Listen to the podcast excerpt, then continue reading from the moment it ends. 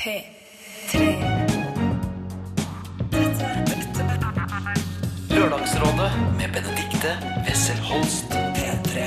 P3. Good mornings. Det er veldig hyggelig å ha sin egen jingle, selv om man bare er vikar.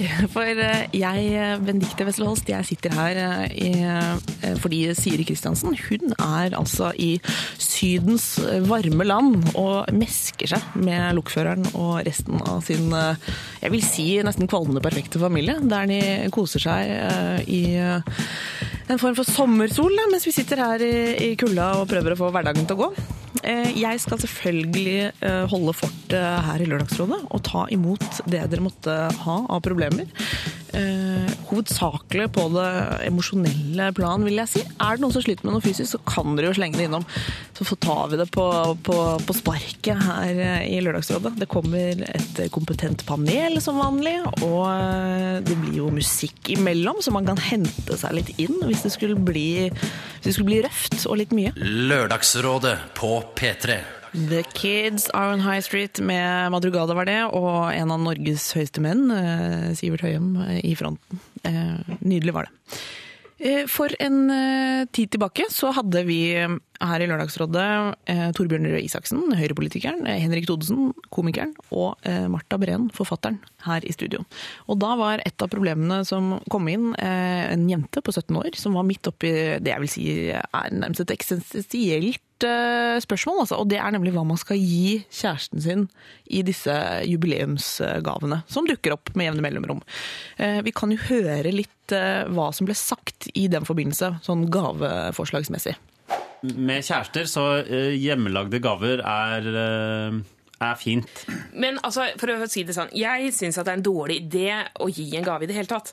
Oh, ja. eh, fordi at, ja, nei, men altså, du, du, legger opp til sånn nivå at nå skal vi fortsette å gi gave hver gang vi har vært på, på årsdagen vi har vært sammen, og så etter hvert så blir det jo på bryllupsdag, og så er det på bursdagen, og så er det jul, og så er det farsdag, og så er det valentine. Mange jenter tror jo, som denne 17-åringen, at den beste gaven han kan få, det er når jeg er glad. Ja. Ok, La oss rendyrke det, da. Kjøp noe kult til deg sjøl. Ja. Så sier du sånn, vet du hva, jeg kjøpte jeg skal, på, jeg skal på spa, jeg nå. Jeg skal på spa en helg sammen med venninnene mine. Det gjør meg dritglad. Gratulerer med dagen. Det er jo det å gjøre noe hyggelig sammen og bruke penger på det, det syns jeg kanskje er en bedre idé. da. Ja, er Hvis man ja, Gå ut og spise. Bare Gjøre noe pass. sammen, eller kanskje gå ut, oppleve byen sammen, ta bilde av hverandre, og så kan lage Ja. et album etterpå og ha det sammen. Morsomt. Ja, men Det er en veldig god idé. Lørdagsrådet. Det var altså en liten, eh, et lite tilbakelytt på eh, en tidligere sending. Eh, Og der var det jo altså snakk om alt fra at eh, man ikke skal gi hverandre noen gave i det hele tatt, eller gi seg selv en gave, osv. Det endte opp med at Lørdagsrådet valgte å premiere denne 17 år gamle jenta med to T-skjorter. Så det har hun i hvert fall fått. Og så har vi fått en tilbakemelding fra, fra henne, som har, sier hvordan det gikk, for det syns vi er innmari ålreit her i Lørdagsrådet. Får du råd på lufta, send oss en mail, en SMS, eh, og si eh, hva som skjedde etter at dere fulgte våre råd. Eh, Og hun skriver altså Hei, tusen takk for at dere tok opp problemet mitt. Jeg drøftet problemet med flere venninner. Siden typen er ekstremt glad i ryggmassasje, bestemte jeg meg for å gi han et gavekort på et av spa-stedene i byen. De søte venninnene mine syntes det var så trist eh, hvis typen skulle dra alene på spa, så de ga meg en førjulsgave i form av et gavekort til meg også. På fredag er dagen, og vi har bestemt oss for å ta en joggetur før vi lager middag og dessert sammen. Ettersom vi skal sove sammen, tar jeg med, med meg de fine P3-T-skjortene våre som pysj. Atter en gang, tusen takk. Hilsen en enda mer glad 17-åring. Det var jo lovlig koselig start eh, på en eh, lørdagsmorgen. Altså, så, så bra kan det gå med, med lørdagsrådgivning. Det er godt å høre. Um, vi skal snart få inn eh, dagens lørdagsråd. Det er ikke, det er ikke lenge, lenge til, rett og slett. Er, de sitter klar, jeg kan se dem med det blotte øyet. Noen skjenker opp kaffe. Lader opp til å komme inn og, og gripe fatt i det dere måtte eh, gi oss av utfordringer. Lørdagsrådet. Niggas in Paris var det der med JC og Kanye West. Eh, Du hører på Lørdagsrådet. Det er lørdag, hvis du var usikker på det. Du har fri, mest sannsynlig. Du kan bare ligge og slappe av litt til. Eh, Vi er på plass, det, og med det mener jeg dagens lørdagsråds lørdagsrådsgjeng. Jeg vil eh, si at eh, dagens lørdagsråd er veldig sånn kompetent. Altså. Det er eh, usedvanlig Jeg vil si det er en, en god del sånn tyngde i rådene. Man kunne kanskje funnet på å låne dem ut til andre råd og komiteer. Kanskje Nobelkomiteen, Finanskomiteen, Festkomiteen her i NRK, kanskje. Altså, det, er en, det er en god miks. Um, to av dem har vært med før. Vi kan starte med vår eh, kvinnelige rådgiver, som er ny her, men veldig godt kjent eh, fra før. Hilde Hummelvold, velkommen til oss. Takk. Veldig godt å Jeg se deg her. gleder meg til å være Ja. sånn klok kone. Jeg er veldig spent selv, for jeg vet ikke helt hvor klok jeg er. Men jeg, dette her blir litt sånn derre manndomsprøve på Ja, det, da. ja, men personlig har jeg, har jeg veldig høye forventninger, uten at du skal føle noe, noe press. Jeg bare anser deg som sånn Dette blir bra. Men du jeg vet, jeg sikker har på. vært ute en vinterdag. Ja, det er det. Og ikke bare én, det vil jeg si, altså. Så litt erfaring. Ja. Det er det jeg tenker. Det kommer veldig godt med. Eh, nå er det sånn riktig Mange av oss eh, savner deg litt på TV. Så bra. Ja, Hva er det du driver med nå? Jeg er lærer på. Åsia videregående skole i Drammen. Ja. Har medier og kommunikasjon. En gjeng på 30 eller det er flere, da, men i andre klasse er det, er det 30. Og så har jeg tekst i, i tredje klasse, ja. Mm, Nei, det er ganske mange elever, faktisk. Ja. Og mest jenter. Oi. Veldig mange flinke, morsomme, eh, til tider rare. Eh, Så jeg, jeg forholder meg jo til deres virkelighet, da. Eh, det er veldig morsomt. Ja, og du har rett og slett bytta beite, bytta. du nå. Ja, og, nå hadde jeg lyst på noe annet. Ja. Ja. Og nå hadde jeg lyst til å liksom eh, Altså Som programleder og lærer, det er litt likt. Du skal jo formidle noe Mm. det vil jeg tro. viktig. Ja. Eh, og det også, og særlig å formidle Altså gi dem selvtillit. Mm. Altså Det er en sånn fantastisk gjeng, skjønner du. Og de er så flinke, og så er det ikke alle som tror at de er det. Så det å være med og liksom bygge gutter og jenter til å bli bra journalister, eventuelt, da, for dem som har lyst til å bli det. Eller bare gagns menneske. Ja. Ålreit, det òg. Ja, absolutt. Det bør man kanskje være i bånn uansett. Ja. Spennende. Det er, må jeg si at Hvis jeg hadde liksom, eh, skulle tatt mediekommunikasjon, så hadde jeg tenkt at det var ganske kult å ha Hilde Hummelvold som lærer. Altså, det må jeg jo Men de ungene, si. jeg, kaller dem unger, det må jeg jo ikke gjøre, de er jo store, de er jo 17 år og sånn. Men de sier det, unnskyld meg, Hilde, men altså, for å være helt ærlig, så er mora mi synes det er litt kulere enn meg, egentlig. Så utrolig bra. Sånn er det. Men uh, skal ikke se bort fra at de, noen av dem hører på radio i Nei, dag. vet faktisk så Ja. spurte jeg dem, for jeg visste jo ikke hva jeg skulle være med på helt. Så jeg spurte er det noen som er på Lørdagsrådet. Ja. Og da var det å, det er det kuleste! Ja, så Hedda, her er jeg. Eh, til dere som lytter på nå og tenker sånn Ok, det er læreren min, Hilde Hummelvold. Kan få muligheten nå til å sende inn problemer. Men ikke Eh, om at dere har en veldig sånn eh, teit lærer, da. Ikke sant. Begrens dere litt der. Vi, vi siler ut underveis. Vi det. Um, vi sitter, eh, altså Det er Hilde Humlevold er her. Eh, Vi har to, eh, to typer til. Eh, Begge er rett og slett erfarne lørdagsrådgivere, i tillegg til å være erfarne personer i eh, sine respektive yrker, kan man vel si. Eh, Det er Petter Ness og Kristian Strand som sitter her. Velkommen morgen, begge to. god morgen. Ja, God ja, morgen, ja, ja. Eh, Det er jo eh, Altså Velkommen tilbake til Lørdagsrådet. Dette føler jeg dere har blitt eh, gode på nå. Ja, vi har vært der et par ganger, kan vi si det, Petter? Ja. Ja, det er ikke sammen. Nei, ikke sammen. Vi har aldri vært sammen. Nei, det har vi ikke. Eh, Og Forrige gang jeg var her, da, Ja. da var det en litt spesiell dag. Fordi eh, jeg satt her eh, og skulle da formidle gode råd til det norske folk. ja. Og så begynner da Benedikte å snakke litt om utdrikningslag, og man skal gifte seg, og det er liksom Det er tiden for det. Og plutselig, mens jeg sitter her, så kommer det 25 gutter løpende inn her i studio på direkten. Det er i dag, det er i dag, ditt utdrikningslag er i dag. Og da skulle jeg drikkes ja. ut, da, vet du. Er det Jo, sant? Det er helt sant. Og vi har det Altså, det var Det var eh, stort. Men 25 gutter si- som du kjente, håper jeg? Ja, det var gutter jeg kjente. Det var veldig forbipasserende. Det var helt rått. Jeg vil nesten si at det var god TV, men det var veldig god radio. Og det var Altså, sikkert kjempefine bilder. Du vet, radio har Ja. de beste Ja, bildene. ja, ikke sant? ikke sant? Er vi ikke enige om det? Det, det var en veldig ja. stor opplevelse. Så dere klarte å lure meg der. Og så Christian, du er jo fortsatt, vil jeg si, forholdsvis nygift. Ja, er. Eh, Er du fortsatt i disse hvetebrødsdagene, eller har du liksom landa litt Nei, mer i Jeg føler at jeg fortsatt er i hvetebrødsdager. Altså, det er Ja. fortsatt lykke. Men eh, det går kanskje fort nedover. Jeg vet ikke, jeg kan spørre Petter og Hilde om det etter hvert. Ja, altså, Vi kommer nok inn på det. Vi kommer nok inn på det. Vi pleier å gjøre det. Altså, du er fortsatt, eh, vi, vi karakteriserer deg fortsatt som lykkelig nygift, Ja, det. for det er veldig hyggelig. Eh, Petter, du sitter ved siden av og er jo erfaren gift. Ja. vil jeg si. Uh, Og også erfaren uh, filmregissør. Uh, Sist ute var det Into the White, ikke sant? Ja. ja. Jeg kom på at um, det er litt sånn morsomt, fordi her kommer vi til å snakke om kjærlighet, sikkert jobb, og hvem vet hva som dukker opp. Men det er jo mange som vil jobbe med film for eksempel, i dag. Nå sitter jo Hilde her og, og hjelper mediestudenter. Eh, og du er jo på toppen nå som regissør. Det er litt sånn opplyst edenvelde når man er regissør. Men jeg så på, jeg googlet litt, så så jeg at du har faktisk startet liksom litt lenger ned i systemet. Det stemmer det? Ja, Og du har vært rekvisitørassistent på to Olsenbanden-filmer. Det stemmer. Ja. Og jeg har vært pro produksjonsassistent og innspillingsassistent her i det som het Fjernsynsteatret. Akkurat. Det svinger av. Hva måtte du gjøre? Altså Når man er rekvisitørassistent, er det sånn Vi trenger en uh, brun kaffekopp. Ja, øh, det er litt sånn, men jeg jobbet sammen med en enormt omfangsrik danske. For Ja. dette er jo egentlig danske filmer, og han, så vi drakk stort sett øl hele tiden. eh, og, det, og det gjorde man på den tiden. Nå er det mye streitere på filminnspilling og sånn, men han hadde øl i skuffen og overalt. Øl i og- skuffen? Ja, er og han var utrolig flink. Han kjente absolutt alle antikvitetshandler og sånt ja, for det er noe overalt. Av biten. Og vi hadde lange lunsjer på teaterkafeen med vin og øl og sånn, så jeg var sånn småbrisen i noen måneder og hadde det veldig, veldig fint og fikk godt betalt.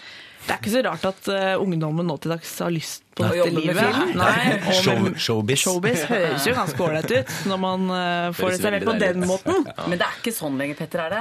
Absolutt ikke. Noe ikke. sånn, og jeg tenker sånn lunkent øl i skuffen. Nei, det var, nei, det var ikke Nei, det er, ikke, det er, virke- det er, det er blitt kjempestreit. Ja. Eh, og det, det er både Det er fint, Ja. uh, syns jeg. Vi er brannfakkel. Altså samfunnet stratifiseres i alle ledd, gjør det ikke det? Jo, det Ja. gjør det. Og det er litt På godt og vondt. ikke så fint. Nei. Nei. Det, er, det, er, er litt, eh, det er litt mye skjemaer og meldeplikt eh, Ja. rundt omkring. Dette kan vi faktisk fortsette å diskutere etter hvert. Vi skal, eh, altså Som dere skjønner, så er det jo usedvanlig god eh, gjeng som sitter her i dag. Så ikke nøl med å legge problemene deres eh, i våre hender. Lørdagsrådet. Det var eh, godeste Jarle Bernhoft. Eh, det er jo ikke så vanskelig å høre at det var det. Eh, ganske karakteristisk låt, vil jeg si. Og det har fulgt eh, meg som vikar i Lørdagsrådet opp til eh, jeg vil si, nesten alle sendingene. Syns det er koselig med Jarle på lufta. Det er altså Lørdagsrådet her på P3. Eh, klokken er nå 9.35. Jeg sitter her med Hilde Humlevold, Kristian Strand og Petter Ness. Og vi er klare til å gripe fatt i dagens eh, første problem, som jeg vil si er eh, litt sånn koselig også. Vi skal, eh, skal jeg lese opp eh, hva som er sendt inn? Ja. Eh, Halloen, Lørdagsrådet. Jeg har en utfordring. Det er jo proft. Kaller altså problem for utfordring. Det er vi i Lørdagsrådet litt eh, negative til. Vi kaller det stort sett problemer, for det er jo det det føles som.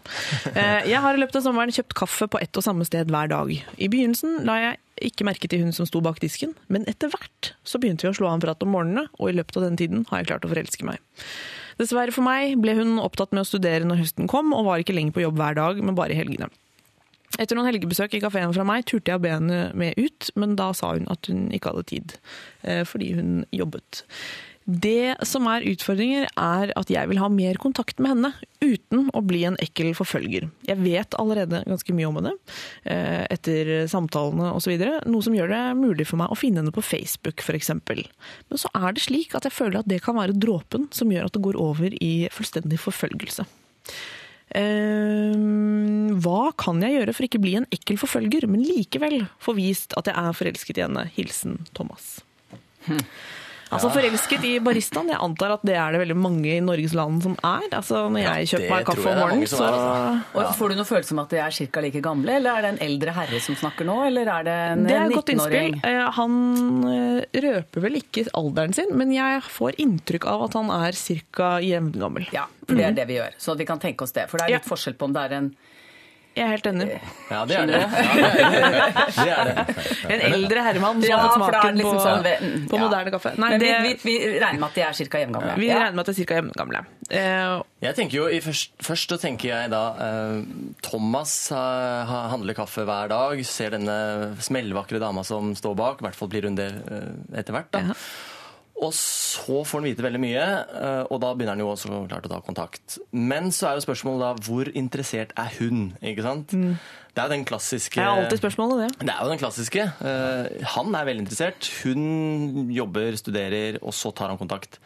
Og så sier hun 'jeg jobber'. Eh, ja, han ser jo det. Ja. Men Hun har jo også fri. hun har jo også fri, så det, jeg tenker sånn umiddelbart først Thomas, hun er ikke så veldig interessert i deg. Mm. Eh, men det kan jo endre seg. Det kan jo endre seg. Oi, man kan jobbe seg inn Man i kan jobbe seg inn. Oh, det, Eller, nå, det er får sånn sånn filmfølelsen her, Petter. Altså, Det der å ikke gi seg. Vi har jo sett filmer om det. At, at det er liksom 50 Ja. ways to meet a lover. Ikke sant? To be a lover. Aldri gi deg. Nei, det, nei, jo. Jeg syns definitivt man skal gi seg. Og jeg tror det er sånn, et eller annet sted inni seg så kjenner man eh, litt kjenner man igjen seg selv. Eh, hvordan man takket nei til andre. Og hvis det er den følelsen For, at, er- For at han føler jo at han er i ferd med å bli litt innpåsliten. Ja. Eh, og det er jo fordi han ikke akkurat får eh, tommelen opp hver gang han kjøper kaffe. Så um... Man har bare spurt én gang. Ja. Så hun kan jo jo ha vært i et sånt uff, det, det kan jo ha vært masse ting med, med baristaen akkurat den dagen, men allikevel, jeg tenker sånn Gutter, sånn sosiale antenner eller litt sånne Det går ikke an å Møter hun blikket ditt, småsmiler hun, tuller hun litt tilbake? Hvis hun ikke gjør det, Da er det ikke så bra. har du et problem. Ja, Og hun treffer jo 700 menn hver eneste dag. Det er sant. Som hun Men ikke har igjen, fått da, til. men, men igjen, igjen til Thomas. Eh, Det er jo litt sånn defensivt. Jeg ville ikke sagt til sønnen min at etter ett forsøk Nei, du må ikke det gi Og ting kan modnes. Ja. Men hva Og så tar er det han jo på noe med seg? at, eh, at hun er jo i en sånn servicesituasjon som så kanskje Jeg antar at det er ganske stressende å stå og lage Jeg vet ikke hvor mange, du får så 700. Jeg tenker sånn 1200 caffè latte om dagen. jeg. Eh, At man kanskje kan bli litt sånn ko-ko i den situasjonen. Og for henne så er han en hyggelig fyr, men en av mange faste kunder som hun antageligvis har den praten med. For det kan jo hende at hun har lagt merke til Thomas, men ja, som være. du sier, Benedikt, at at, at hun er i en sånn jobbsituasjon. Ja. Jeg husker da jeg Man jobbet litt låst i den situasjonen jeg jobbet kassa, jeg jobbet i kassa på Rimi på Sigrud før, og da gikk det jo veldig fort. Det var jo ikke sånn at jeg da kunne ta en overveielse at ja, hvis du spør meg på date, ja, så kan jeg liksom ja, ok, når møtes vi, blir du med i morgen? Pip, pip, Ja, jeg tror at Ikke sant? Det gikk veldig, veldig fort. Stressnivået bak disken på et sånt eh, kaffebrenneri eller et sånt kaffested, det er ganske høyt. altså. For det, er, det tar jo sinnssykt lang tid å lage en sånn kaffekopp, og det står jo masse folk som skal ha kaffe, så jeg tror man er ganske stressa. Ja, det så det går det går an å spørre en gang til, og hvis det er, hun igjen sier at hun jobber, så kan hun også spørre da blir det teit hvis jeg spør en gang til senere. Men hva med den litt sånn klassiske Hollywood-dramaturgien? Det må bare være, jeg mener, bare være, og det er bare litt sånn rett på. Ja. Så, bruke, for så kan han gå videre. da, prøve Ja, men du, I film så pleier da type sånne Thomaser å ha med seg en liten rekvisitt. En liten, de legger ved driksen, så ligger det en lapp eller Ja. en twist Enig. eller en smil eller eh, Skjønner du? Du, som tidligere rekvisitt... Ja, for det er noe med hun må jo legge merke til ham, da. Ja, hva foreslår du? Ja, Kanskje en, en stor, gammel antikvarisk kaffekanne eller noe? Er dette noe dere kunne ha i hyllene her?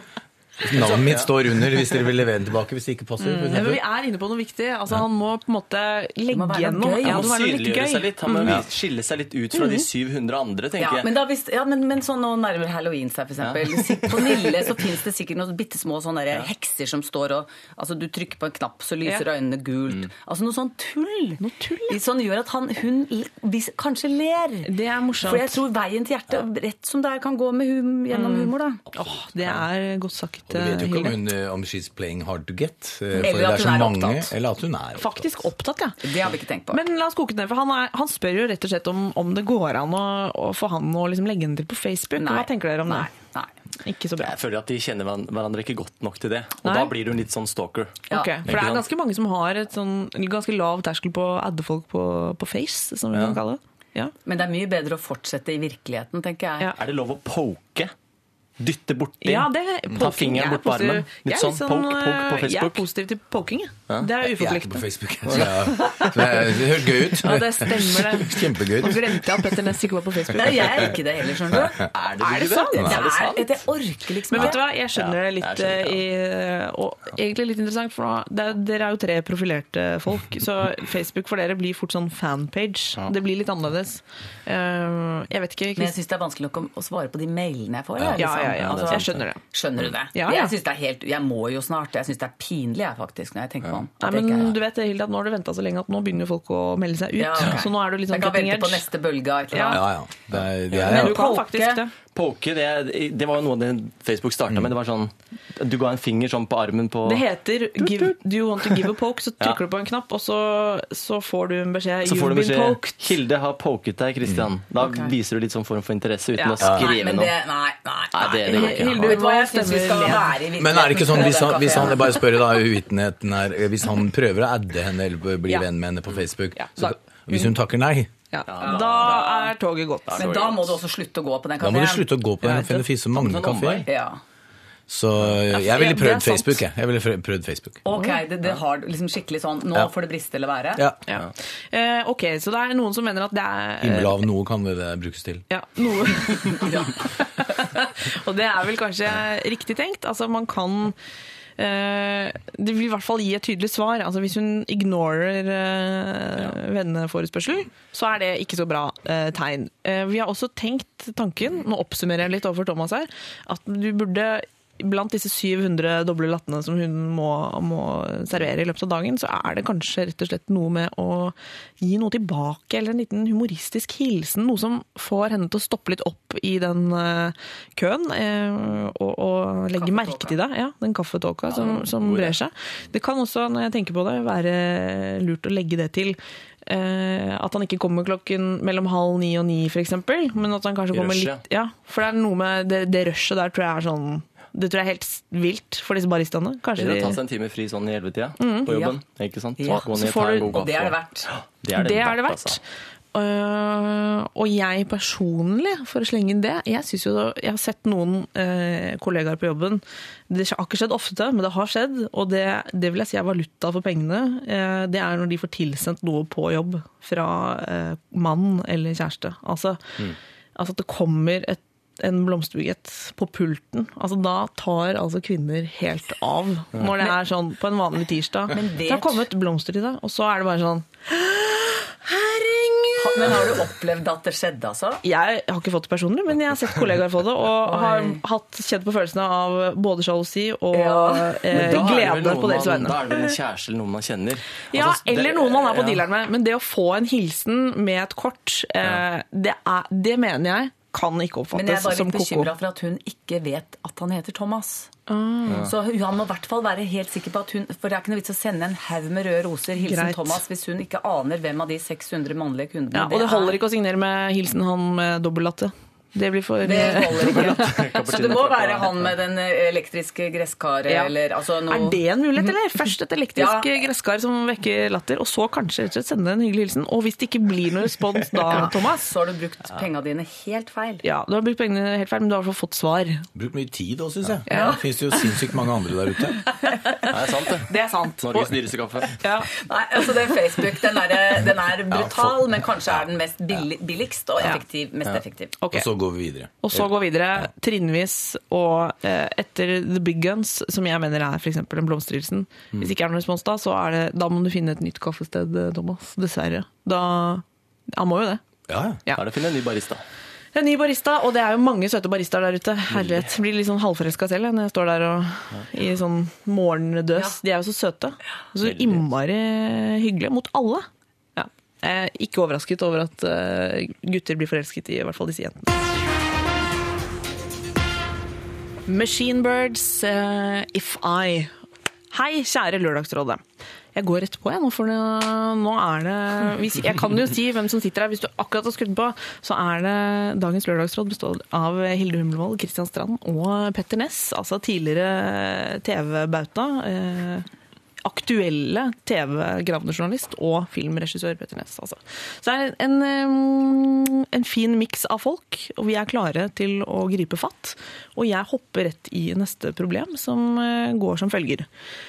For noen år siden så flyttet jeg hjemmefra for å studere og jobbe. Jobber som annet massør. Eh, Har nylig blitt kontaktet gjentatte ganger av en bekjent fra min omgangskrets i hjembyen. Denne fyren ville først ha en time hos meg, og nå senere vil han møte meg sosialt gjennom f.eks. en kopp kaffe. Har ikke hatt noen time med, med denne fyren, ei heller har jeg svart på disse sosiale meldingene. Problemet er at jeg ha, ikke har noen ønsker om å henge med denne personen, men aner ikke hvordan jeg skal avvise vedkommende. Har ingen tro på at fyren kjører en annen fil. Altså, dette er jo da en mannlig innsender som lurer liksom Ikke sant? Det kan eh, mm. Eh, Hvordan skal jeg avvise på best eh, mulig måte? Tusen hjertelig takk for et eventuelt svar. Altså, det er en mann som søker massasje, enten som venn, kanskje som eh, potensiell eh, vet ikke helt hva, men eh, ja. Ja. Hvorfor får han egentlig følelsen at det kanskje er noe annet? Jeg er litt usikker på det selv også. For jeg- jeg tenker sånn, jeg har også bestilt massasje. Ja. Eh, Kan jeg liksom bli avvist sånn plutselig? Unnskyld, nå kom produsenten inn. Det står jo han, han har ingen tro på at fyren kjører en annen fil. Nei. Nei. Altså, han tror ikke det. Okay, Nei. Ja, men da, ok, Så han vurderte det en liten stund? Altså, Ja, han vurderte den, Han ok. vurderte det, ok, ja. Ja, men Er det da noe vår innsender er interessert i? ja, det er litt sånn, var det jeg også lurte på. Er han, kjører han en? Håper han det? Nei. Nei. Jeg har jo også, altså jeg trente jo veldig mye før og brukte mange av vennene mine som studerte på idrettshøyskolen etter at de hadde utdannet seg til fysioterapeut og kiropraktorer. Ja. Uh, og jeg tenker jo sånn umiddelbart bare at uh, kanskje han bare ville ha en god massasje. Så du har, du har rett og slett eh, fått mye massasje selv? eh, Jeg har fått veldig mye massasje selv, og jeg tenker hvis han er god og Ja. de kjenner hverandre, kanskje han kan få en massasje til en billig penge? Det er kanskje det det er snakk om, ja. Få en god deal. Ikke sant? Du kan få til kanskje gratis. Massasje koster tross alt nesten 1000 kroner timen. Åh, det er dyrt. Hvis du skal Ja. Men, men jeg skjønner Men, ikke eh, nei, Har altså- han massert ham? Ja, han har ikke fått, det har ikke blitt noe til det, men han føler at det, først begynte det med sånn Kanskje jeg skal bestille meg en time, og så har det på en måte ikke blitt noe, og så vil han istedenfor møtes sosialt. Så det er litt sånn eh, det blir ikke noe, Han blir ikke en betalende kunde, men han vil kanskje heller bare henge litt. Ja. er vel egentlig det han kartlegger dette som Men han vil jo ikke henge. Han vil tjene, Nei. eventuelt tjene penger. Yes, men vil han massere ham da, eller blir det alt feil nå? da? Nei, det er det jeg også kanskje lurer på, men eh, Petter, nå ser du dette Ja, jeg, jeg, jeg sliter med å få det til Jeg, jeg får ikke bildet. Helt klart eh, tydelig. Men, er jo litt men kjente uklart. de hverandre fra før? Ja, gam, altså, de har vært det? eh, gammel bekjent. En bekjent, ja. Og vår, eh, vår innsender har eh, begynt å jobbe som massør, og så begynner det som en kundehenvendelse, og så koker det bort i kål, og så blir det istedenfor kan vi ikke møtes sosialt. Og da er det sånn mm, Men Hilde, vi har jo fått litt sånne før i forhold til yrkene våre. da. At man har, sånn som Når man er fra Sigurd, der hvor jeg er fra, og så flytter man til byen, og så er det noen som spør deg ja, du har jo slått gjennom i TV, kan vi ta en kaffe, og så kan du fortelle meg litt? Men da sier du jo Det hadde jo vært kjempekoselig, kjempekoselig, men det blir jo ikke noe av. Ja, men liksom, det det Ja, kan men det er jo bare Ja. sånn derre Selvfølgelig kjempetopp. Men sånn det går jo aldri. For det passer jo ikke. Det passer aldri. Det gjør jo ikke det. her, Det er kommer det altså, Her kommer det her kommer det avsløringer på løpende bånd. Så Altså. det er ikke sikkert det må være sånn brutal Nei, jeg vil ikke. Nei. Men du kan si Det hadde jo vært knall, det.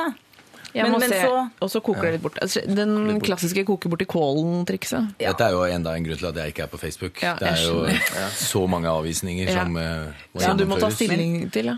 Men det, men det forrige innringer Det er veldig lurt, eh, Petter. Ja. Forrige innringer snakket jo om å bli avvist, Ja. men det å avvise er jo nesten enda verre. Det er kjempevanskelig, og det er jo så, så vanskelig at uh, de færreste føler seg veldig gode på det. Altså, Hvis du er en person som, som syns det er lett å avvise folk, da vil jeg kanskje si at du kan, Da kan det hende at du ikke har full score på empatiskalaen. Kan det stemme? Altså Hvis du er en, fyr, en kvinne eller mann som bare Nei, det er ingen problem med. Jeg sier nei hele tiden, jeg. Det Ikke noe problem. Altså Det er jo ikke det normale.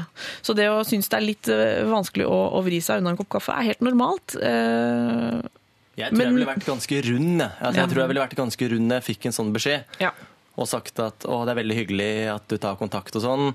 Eh, Jeg jobber jo nå i byen, baserer, har masse å gjøre. Men det kan hende at jeg kommer hjem en gang og hilser på mor og far, f.eks. Kanskje vi da kan ta opp kontakten og møtes på samvirkelaget. Ikke sant? Det er jo noe med det at man heller kan prøve å skyve på ting litt. Ja. Istedenfor å være sånn ja eller nei. Ja. Og så faser det vel mer eller mindre ut. Ja, der, der er jeg da helt uenig. Ok, da er vi enige på Ja, jeg, jeg mener at det, Nå begynner det igjen. Ja. Ja eller nei? Nei. ja, jeg mener at det er for veldig mange tilbakevendende her er liksom å finne liksom veier rundt Ja. grøten. Ja. Det er Man går altfor lite bare rett på sin Nei, vet du hva, det gidder jeg ikke. Ja. Eh, og no offense, eller kom, så skal jeg massere deg, og så det er jobben min. Eh, og så, så tar betalt for det. Skal du få kameratpris, eh, går ned til 800 kroner. Rett i lomma. Eh, så blir det allikevel mer. Eh, men eh, men eh, altså, jeg, jeg, jeg, man bruker så sinnssykt mye energi på å gå utenom man er til mobilen min virket ikke, og beklager, det var ikke dekning der jeg var, og bla, bla, bla, bla, jabba, jabba. Og det er jo disse sosiale mediene veldig bra til, Og på en måte være være fendere, da. Sånne for, for Hva heter det for noe? Konfrontasjon. Så, så få han fyren inn på benken og få knadd den litt, så ser vi eh, hvor det ender. Vet du hva, jeg er helt enig. Han må rett og slett betale for den Betale pris. Mm. kontakten.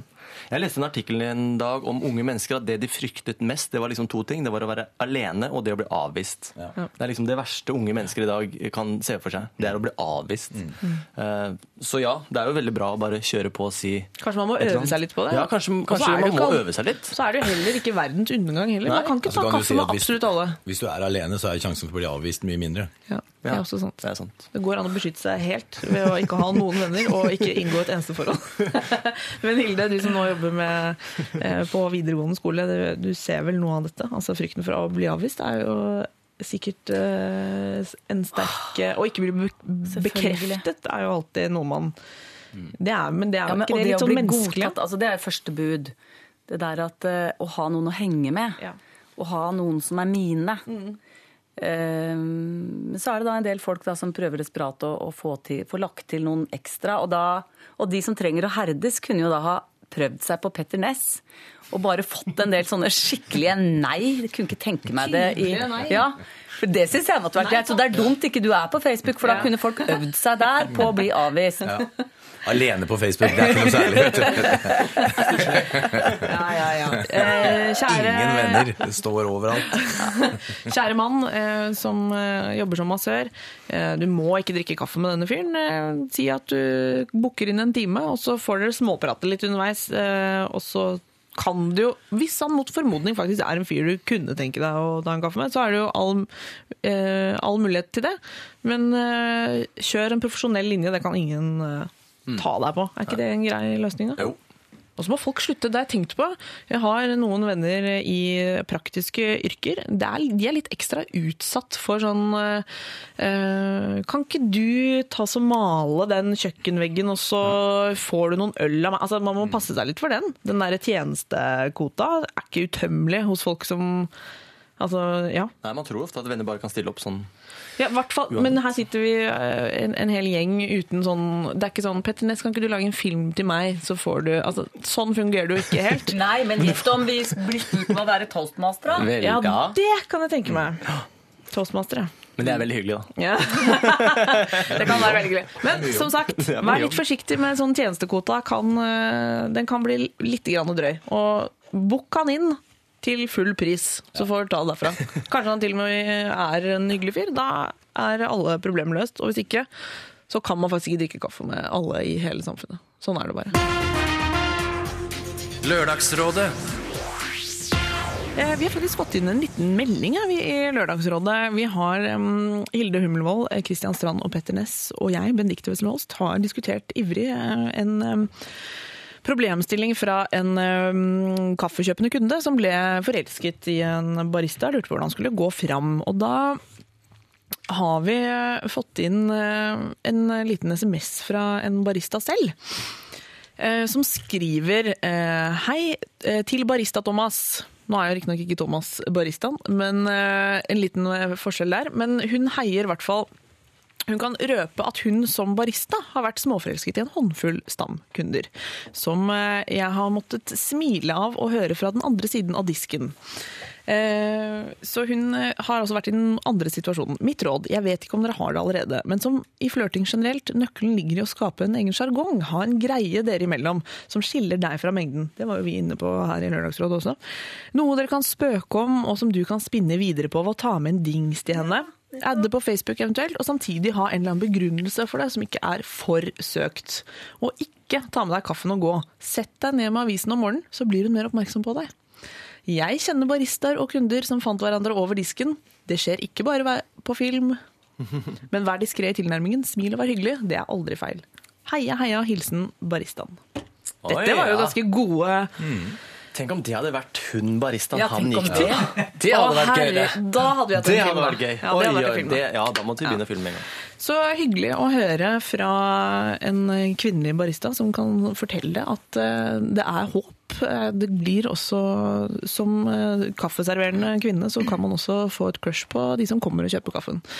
Jeg merker at jeg på mandag kommer til å tenke veldig over dette når jeg står i en kaffekø og lurer på om det er noe romantikk eh, som foregår når jeg bare skal ha en dagens svarte svart kaffe. Så kan det være kjærlighet som skjer i i køen, rett og slett. Det liker jeg å tenke på.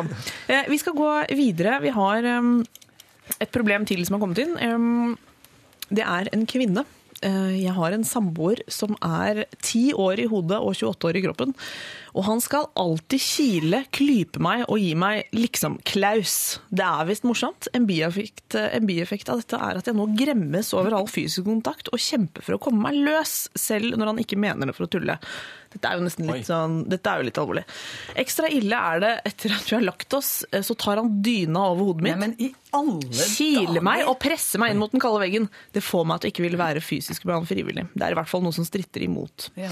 Hvordan skal jeg få en slutt på dette og få han til å forstå at det kan ødelegge andre sider ved forholdet? Hilsen jente som lever i konstant frykt for Klaus. Altså, dette er jo pussig. Vi har jo en fyr her nå som har tatt med seg sånn dynkeflørting inn i et fast forhold. Altså fra barneskolen. Eh, Det er, sånn som jeg oppfatter det, ikke veldig vondt ment, eh, men det er en sånn kan vi kalle det en guttete måte å vise Ja, kjærlighet for det var jo sånn på ungdomsskolen hvor man liksom skulle, ja, som du sier, dynke kokos. Ja, Ja, kokos, kokos, ja. dynke, eh, dytte til jentene og liksom vise sin interesse, ikke sant? Men de er jo sammen, han kan gi seg nå. Nå har han fått henne, nå må du bare bevare det. Du kan ikke fortsette med det. Nei. Nei, jeg tror Hilde, hva tenker du? jeg har ett klart svar, og det er et skikkelig ballespark. er det der, mener jeg. Det mener jeg. For det verste jeg vet, altså hvis noen prøver å kile meg, eller sånn Ja, gøy kommer bakfra, så plutselig kjører pekefingeren inn i sida på deg. Jeg, jeg slår Altså, jeg blir så sint, jeg skjønner henne så godt. Og jeg tenker, hvis dette er noe Altså, det, det, det, det går. Altså, det blir jo brudd. Så, men et skikkelig sånn derre kneløft Et skikkelig kneløft før du slår han får at, Nei, for jeg mener da får hun kanskje tid til å si Sånn føles det. Sånn føles det. Så slutt. slutt.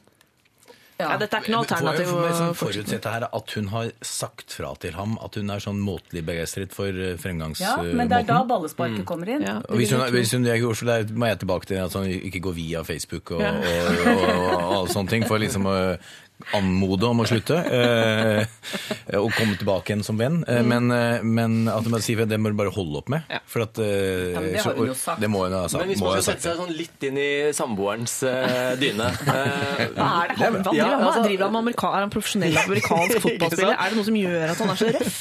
Men Saueklipper, eller altså, hva, hva gjør sånn, ja.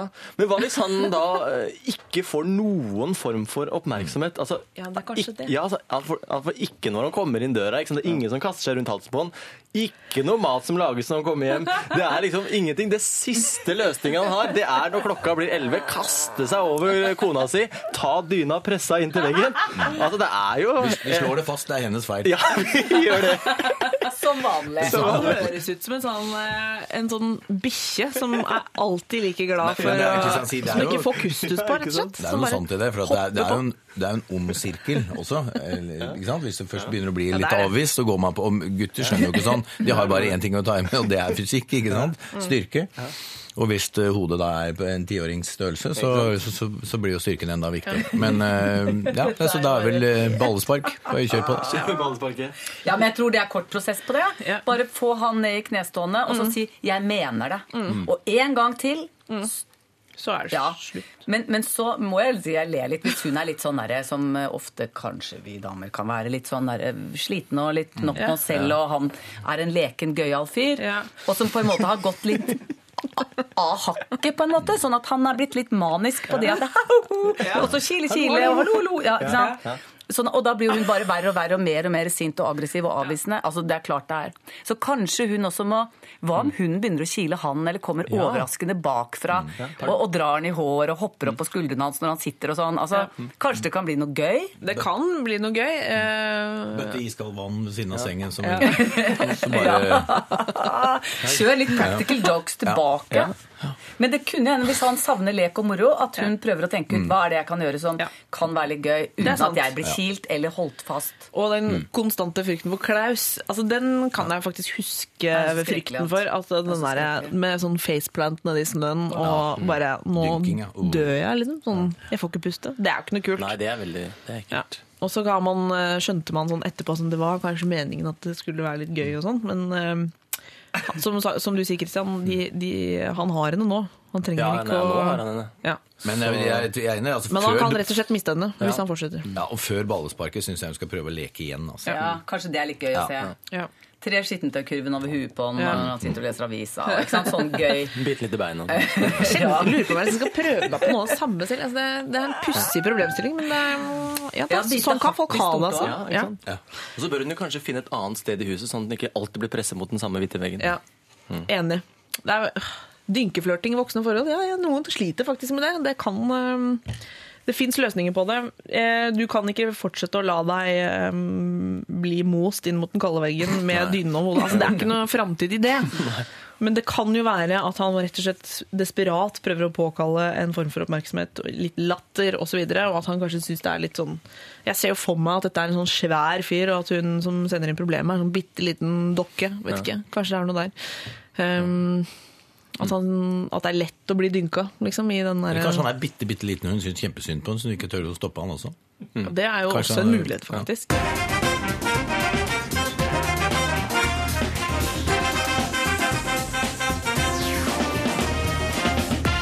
Har gått med litt sånn uh, morgentrans eh, her eh, i Lørdagsrådet, som du lytter til nå. Jeg har fått en SMS her på sidelinja as we speak. Den er til deg, Hilde Hummelvold. Angående ballespark. Tror ikke du vet hvor vondt det er. Aldri gi ballesparkråd! Utropstegn. Et lite knips på balla er mer enn nok smerte. Det tror jeg ikke noe på. Ja. Men det jeg vil si til mitt forsvar, det var Ja. kanskje veldig sånn barnslig og slemt Det å er rom for å men, gi men sånne råd da i tror jeg ikke han vet, regner med at det er en gutt dette her, Ja. Eh, da vet, tror jeg ikke han vet hvor grusomt det oppleves å bli kilt eller holdt fast eller holdt under en Mm. Ja. dyne. Og det kan skje verre ting altså, i, i de der krampene du Mm. Ja, får når du er instinktene som Ja. Ja. Så albue i øyet er jo et alternativ. Men ikke sant? alt dette er jo Vi vil jo helst ikke gjøre det, men av og til selvforsvar. Ja. Generelt eh, til dere som hører på, vi pleier jo ikke å lange ut råd om vold, men Nei. om noen eh, er plaget i sitt eget eh, forhold med, med dynking i pute, så, så må man kanskje eh, trå til. Jeg ser for meg noen grusomme overskrifter her. At Hilde Hummelvold oppfordrer til vold. Unge, ber unge, unge mennesker Ja. Ungdomslæreren. Si ved ballspark. ja. Nei, men vi, vi Det tar er det til bare i nødstilfelle, vil Bare jeg si. nødstilfelle. Selvfølgelig. I andre tilfeller knipser du. Knips kan Ja. da være Kan det være også veldig vondt, altså, Ja. Det kan ja, ja, være vondt, det. Et Jeg har lite ikke prøvd. knips. Lite knips kan være mer enn nok. Vi går eh, løs på neste problem, for det, her renner det jo inn. Er det noe folk eh, sliter med, så er det jo problemer. Denne gangen er det en mann på 29. Jeg leser som følger. Jeg, har, eh, jeg er en mann på 29 og jeg har et lite problem med mine ønsker i livet. Eller mer korrekt kan det kanskje være at omgivelsene mine har et problem med de, eh, dem. Eh, kort fortalt så ønsker jeg ikke barn. Jeg misliker unger, og absolutt ingen del av meg har noe ønske om å oppfostre et barn. Jo eldre jeg blir, jo mer overbevist blir jeg om dette. Og det har kommet Det har kommet til det punktet at jeg ikke engang ønsker et forhold, av den enkle grunnen at jeg vil bringe temaet med barn opp før eller siden. Så kommer mitt dilemma. Hver eneste gang dette kommer opp i sosiale situasjoner hvor, eh, hvor det eh, av en eller annen grunn alltid kommer opp, så reagerer alle negativt. Og jeg får høre eh, nok en gang at du kommer til å like det så godt når du får et barn. Eh, og det er eh, ubehagelig, og jeg blir provosert. Det finnes ingen returrett på barn sist jeg sjekket, og å fraskrive seg alt ansvar og få seg en jobb på andre siden av jordkloden de neste 18 årene for å unnslippe ungen, er eh, litt sett ned på, slik jeg forstår det. Noen gode råd om hvordan jeg kan ordlegge meg eller uttrykke meg for å få dette budskapet gjennom hos andre, uten at de svarer tilbake at jeg kommer til å like deg, bare vent til du blir litt eldre, osv. Hilsen Truls. Altså Jeg personlig kan jo bare legge til at jeg syns han uttrykker seg veldig veldig tydelig om at han ikke ønsker seg barn.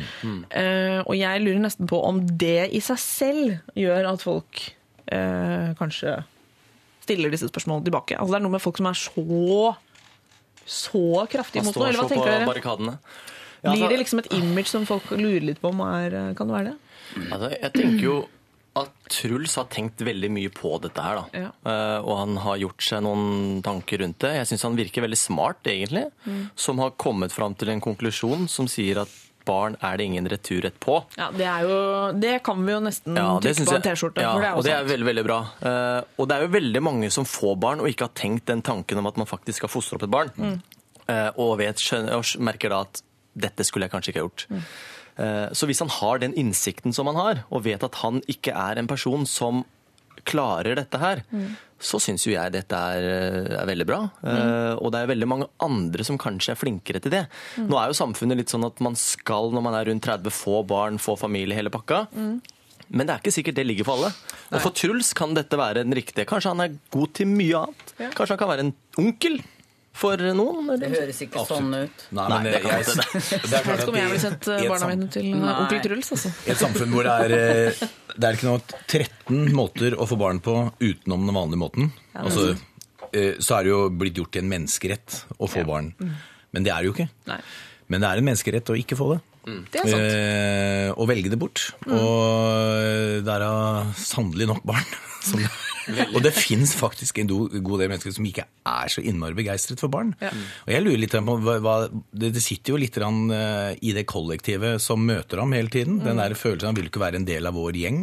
Eh, kanskje de Det handler veldig ofte like mye om dem. Ja. Eh, den følelsen som du snakker om her, kanskje, mm, kanskje ikke det var så gøy dette med sånne våkenetter og barn Ja, det er det. og, og sånne ting. Så de vil ha han inn i folden. Yes. Mm. De vil at han skal ha det like jævlig som dem. Ja. Eh, og slite like mye med disse våkenettene. De forferdelige skrikerungene som aldri gir seg og er trassige og jævlige og skal ha mat og klær og, og sånn i årevis. Og aldri er takknemlige. Så blir de tenåringer, så blir det bare verre og verre. Det kan jeg holde på en stund. Eh, men eh, så Jeg husker ikke navnet hans, men stå på, Truls. Truls, stå på ditt. Jeg syns du har en jeg, synes, jeg er veldig glad i mine egne barn, men jeg skjønner veldig godt at, at andre ser annerledes på det. Og den der klamme, kollektive ønsket om å få den inn i folden, det må du bare stå imot. altså. Hva, du nikker, Nei, altså, jeg var sånn sjøl, jeg. Ja, hva, og Eh, men- du men var jeg en negativ type? Jeg syns ikke unger var med det. Hva var det med det, liksom? egentlig? Men eh, jeg forstår det sånn som at han er alene. Han har jo ikke en kjæreste. Og det tror jeg er liksom første bud for i det hele tatt kunne ja. Ikke nødvendigvis. Noen har jo lyst på barn og vil bare ha barn uansett, så det er det drømmen. Men for de andre så vil jeg si at første bud er jo å treffe tidenes mest fantastiske, herlige dame, da. Og så kjenne på at kanskje det kunne vært hyggelig å se hva oss to ble, liksom. Ja, er det litt sånn risikabelt at han har det som et så sterkt premiss at han nå For det syns jeg kanskje er det tristeste med brevet. For all honnør for å ikke gå rundt og drømme om eh, et småbarnsliv og et liv med barn. Men det med at han nå innrømmer at det har blitt så sterkt ønske at han ikke ser for seg å gå inn i et forhold, er ikke det litt han, dumt? Han har kjørt seg inn i et hjørne. Ja. vet du. Nå har han blitt han derre kjempenegative som aldri, aldri, og da ja. flykter jeg heller på andre siden. Og så har han skjønt det at da må han vel kanskje også gi avkall på en kvinne, da. Mm. Men det som skjedde med f.eks. meg, og som jeg tror skjer Ja. med mange, er at plutselig en dag så våkner du, og så er det bare sånn å, jeg har lyst på barn, jeg! Ja. Og da er det litt sånn Nå? Å nei, må vente i ni måneder. Ja. Ja, ok. Eh, Hvis du er så heldig at du blir gravid med en gang. Og de, og de som venter til 30 og 31, de blir jo ikke gravide heller når de endelig vil, for da er man jo ikke så innmari fruktbar. Nei. Men jeg syns også at det Hvor der gammel var du, Hilde? Jeg var vel 28. Ja. Eh, og jeg var dame. Han er mann. Ja, jeg tenker jo sånn som Hilde sier, at Det er jo noe med det å møte den perfekte partneren. da. At ting endrer seg jo litt da. Jeg ser for meg at han også tenker sånn Nei, jeg skal aldri bli samboer, og det flytte sammen, og hele den pakka. Men så blir man, møter man en fantastisk dame. Barista. En barista, ikke sant? Som bare Å, hun har jeg lyst til å flytte med. Og så har jeg lyst til å få barn med henne på en eller annen måte. Og Men hun så, har ikke tid, for hun er på jobb. ja, hun er jo, jobber jo hele tiden, og så blir det liksom Men nå blir jo vi litt sånn som gjengen hans, da, som sier Nei, sånn nei, vi er ikke nei. sånn. Nei, Slapp av, sånn. Truls. Du kommer til, det kommer til å endre seg. Og han er veldig klar på at det skal ikke endre seg. Men han spør... stå på ditt, Truls. Heller bli en jævlig god barnevakt. En litt sånn Ja. sur barnevakt som tar med barna på mye, Ja. mye rare ting og setter klare grenser. Ja. Åh, det, det trenger alle gjenger. Eh, han spør jo ganske konkret om, han, om vi har noen råd om hvordan han kan ordlegge seg for å uttrykke Få ut dette på en måte som gjør at han ikke bare blir møtt med, med det vi nå nesten møter han med. Altså at du bare vent og se, osv. Jeg ville spurt dem ja, hvorfor er det så viktig for dere at jeg får barn. Ja. Er det en Ja, hva er det for slags Og hvis, mas? hvis en ikke får får et ordentlig svar, et ordentlig svar som man liksom kjenner inni seg, så kan si takk, men eh, nå er trenger jeg ikke å høre det er veldig rare venner som ikke godtar det. da. Ja. Altså, man må jo godta personlige valg. Jeg tror kanskje at Kanskje det at han liksom setter opp den veggen og liksom legger det som en sånn tydelig Det blir så stor del av hans personlighet at det kanskje blir noe man får lyst til å pirke litt vekk i. Altså det blir jo som eh, blir jo folk med, altså folk med veldig, veldig sterke meninger er jo morsomme å utfordre. Det kan jo ligge noe der. At hvis det på en måte blir hans eh, brand av seg selv, at sånn Her er jeg, jeg heter Truls, jeg skal faen ikke ha noe barn! Så er jo det litt sånn Da kan det jo hende at folk blir litt sånn Hæ, ok, fortell hvorfor. Jeg vil vite hva bunner de Altså Det vekker en nysgjerrighet, da. Det kan hende at han avslører seg selv også, at den trassen er så tydelig at, eh, at nå er det blitt en greie for han. Det er hans en måte å brande seg selv på. Ja, og du blir litt sånn spennende type. ikke sant? Ok, han er motstrøms, jeg liker det, hvorfor ikke? Og så er det kanskje sånn, for alt jeg vet, så kan jo det funke som et sjekketriks altså i en periode av livet. Han er riktignok 29, så hvis det er sånn at han nærmest går med sånn button på brystet om at han ikke vil ha barn, så kan det hende han skremmer vekk noen jenter. Men det er jo veldig mange På vegne av kvinnerasen, kvinnekjønnet, så vil jeg jo si at det er ikke alle damer som går rundt og tenker at de er kommet til jorden for å føde barn. Altså sånn eh, Men du, du, du kan treffe en del sånne kvinnelige barnehatere eh, som bare Ja. aktivt ikke vil ha barn, men så våkner opp en dag, som Hilde sier. Nei, nå!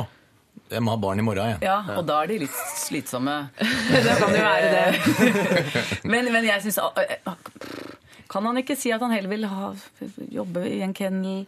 Han er så glad i hunder. Kan han ikke, Nei, han er ikke kan en omsorgsperson ikke omsorgsperson i det hele tatt. Kanskje ikke han er en omsorgsperson, men det virker jo som han kunne hatt glede av et forhold, i hvert fall. Så hvis han kunne tona det litt ned, uten at han må gå på akkord med seg selv, så er jo det et alternativ. Altså at han, han har jo helt sikkert andre sider enn dette. Dette er vel ikke det eneste som står i hodet på han. Kan bli. Eh, Det kan bli det. Hvis men- ikke gjengen gir seg snart. men, men foreløpig så har han sikkert andre sider som eh, vil være mer eh, attraktive for potensielle partnere. Da. det er jo veldig sjelden at man i et helt nytt forhold Det første man gjør, er jo Går ikke an- å få ja, barn. Det fins jo sånne nett, altså sånn som Sukker og, og andre datingsider hvor man faktisk kan hake av en del kriterier. kriterier. Jeg tror faktisk det går an å hake av 'vil ikke ha barn' Ja. noen gang. Da får du bare hooke opp med de som bare Mm. vil ha tilfeldig sex. Ikke På, sant? men det er jo et godt Men de, alternativ, de våkner opp en morgen, de òg, altså, når det går en 10-12 år, og sier nå, nå skal jeg ha barn. Ja. Han må være veldig, ja, ha det, det må sies da med denne Truls. Hvis han skal ut og, og svinse med svansen, så må han i hvert fall være veldig nøye på prevensjon. For det hadde jo, hadde jo vært skjebnens ironi hvis akkurat Truls skulle ende opp med å gjøre noen gravid. Altså mannen som på ingen måte har lyst på barn. Men jeg syns det er litt sånn, sånn sørgmodig, på en måte. Litt sånn, for at han vil ikke ha barn. Og det har han prøvd å si. og Ja. er, det, er, det så, er, er det så gærent, det er liksom? Det er jo nok av barn her i verden, Ja, ja. så det at han ikke vil, er greit. Men så har han tydeligvis blitt kjørt så hardt av jentene i den gjengen Mm. på at du tenkte at du får en dame, da, skal ikke hun liksom få barn, da? At han nå også sier at han Mm. Ja. har gått så langt at han har funnet ut at han skal ikke ha noe forhold heller. Det, blir, Ja, det er trist. Og det er de damene i gjengen som har Ja. kjørt den på det der. Ja, og så har han tatt konsekvensen av det, så nå sier han til og med at han tror ikke han skal ha en kjæreste heller. Det syns jeg du skal ha, Truls. Ja, Eller være enig. åpen for at det kan skje. Ja, Jeg tror at barnevognsmafiaen må senke skuldra litt. Ja, det tror jeg også. Skift gjeng. skiftgjeng, er Ja, det jo- eventuelt skift gjeng, ja. Det Nå er det jo er menn som sliter mest med tidsklemma, i hvert fall i byene, står det. Så det kan, jeg tror det er like mye kameratene hans som er, sier 'kan ikke du ha det like jævlig som oss'? Ja. Det er, det er en tendens eh, vi mennesker har. Vi liker å presse folk inn i det samme vi, eh, vi driver med selv. For da kan vi i fellesskap kjenne på de samme tingene, som f.eks. at det kan være litt trist å ikke dra ut og ta den ølen eh, man hadde tenkt å ta. Å være søvnrusa hver morgen på jobb fordi barnet ikke sover osv. Det vil vi gjerne være sammen, ikke sant. Og de som velger det vekk, det friker, kan frike oss litt ut. Man Kan Men- bruke alle penga på øl istedenfor på bleier. Det kan han faktisk gjøre. Han kan ha et sånn lite ølfond som vokser og vokser.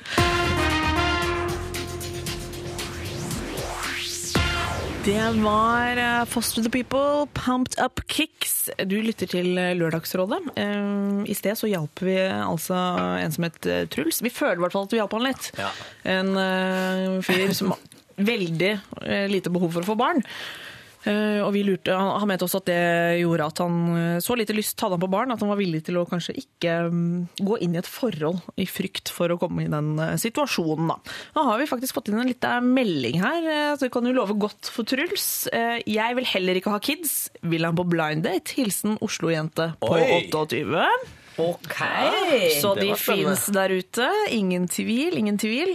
Det er et godt utgangspunkt. da. Det er et veldig godt utgangspunkt. Hvis begge har det utgangspunktet, så kan man heller glede hverandre hvis man skulle endre mening. Mm. Eh, Men hvorfor stresser vi det hele tida? Nå, nå går vi jo i den Nå grøfta går vi i den grøfta, men jeg bare skal jo ikke ha barn, de vil ikke det.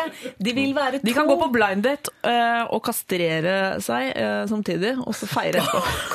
Det fins andre former da, Bendikte som gjør at du kanskje ikke får de Ja, men der da er det på en måte små- som å Det er på en måte ringen på fingeren. Ja, da er det i hvert fall u- og ja.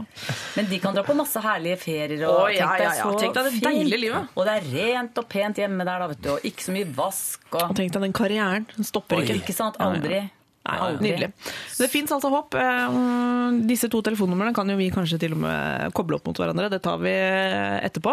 Vi skal videre mm, her. Eh, Nå er det snakk om en liten SMS til hver av dere Oi. med spørsmål. Eh, Til råd. Jeg sitter altså her med Hilde Humlevold, eh, tidligere TV-personlighet. Nå har hun gått over i undervisningens eh, eh, embed. Gemakker, liksom. Ja. Nå, det er videregående skole. Det er Hvilken skole, Hva heter skolen? Ås. Ja, Før så trodde jeg det het Åssiden, trodde jeg det het. Og så, går det på Åsia? ja? sånn, Ås, ja, sier de. Ja.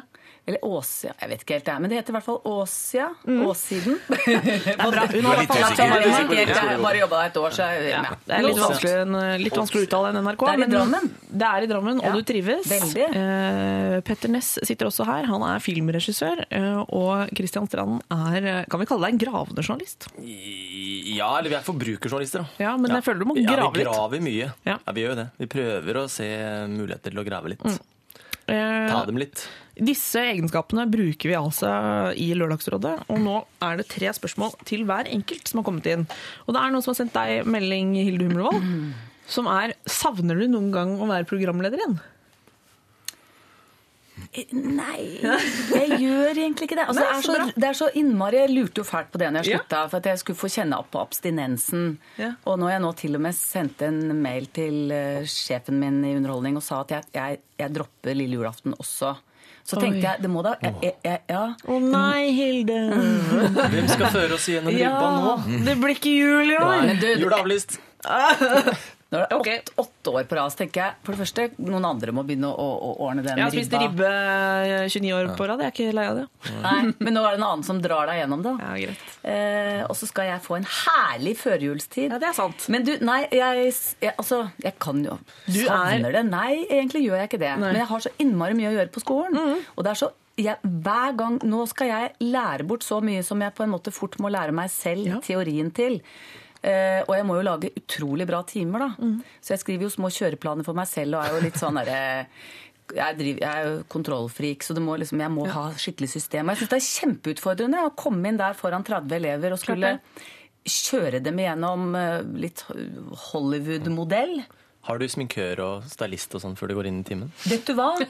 Det har jeg ikke, men jeg sminker meg mer nå enn jeg gjorde da jeg jobba i NRK. Fordi du kommer inn, og det er veldig mye nydelige jenter der, og jeg tenker at søren meg, og, jeg, og vi skal få opp litt sånn verdien på læreryrket. Jeg har lyst til å komme inn der og føle meg litt fresh, jeg også. Så bra. Ja. Og dere skulle sett henne nå. Hun er ganske så fresh. Ja, ja, ja, ja. ja, men nå er jeg på radio, nå har jeg ikke tatt det så nøye. Men når jeg kommer da inn i klasserommet der da, Oi, oi, ehm, Nei, men jeg prøver faktisk å se litt sånn der opplagt ut, da. Da må jeg ha litt hjelp. Vet du hva, Det, er- det syns jeg er godt å høre at, eh, at lærer, eh, lærere tenker. fordi det kan jeg huske at jeg noen gang savnet litt med mine egne lærere hos noen. At det var litt den peppen og litt den Alle husker de lærerne som tok rommet, da, i hvert fall. Kan vi vel slå Ja, fast. ja. Eh, Og det er altså det Hilde holder på med nå. Og hun savner faktisk ikke å være programleder, dessverre for oss, men eh, til glede for disse elevene da, som er de heldige utvalgte. Håper det. Ja.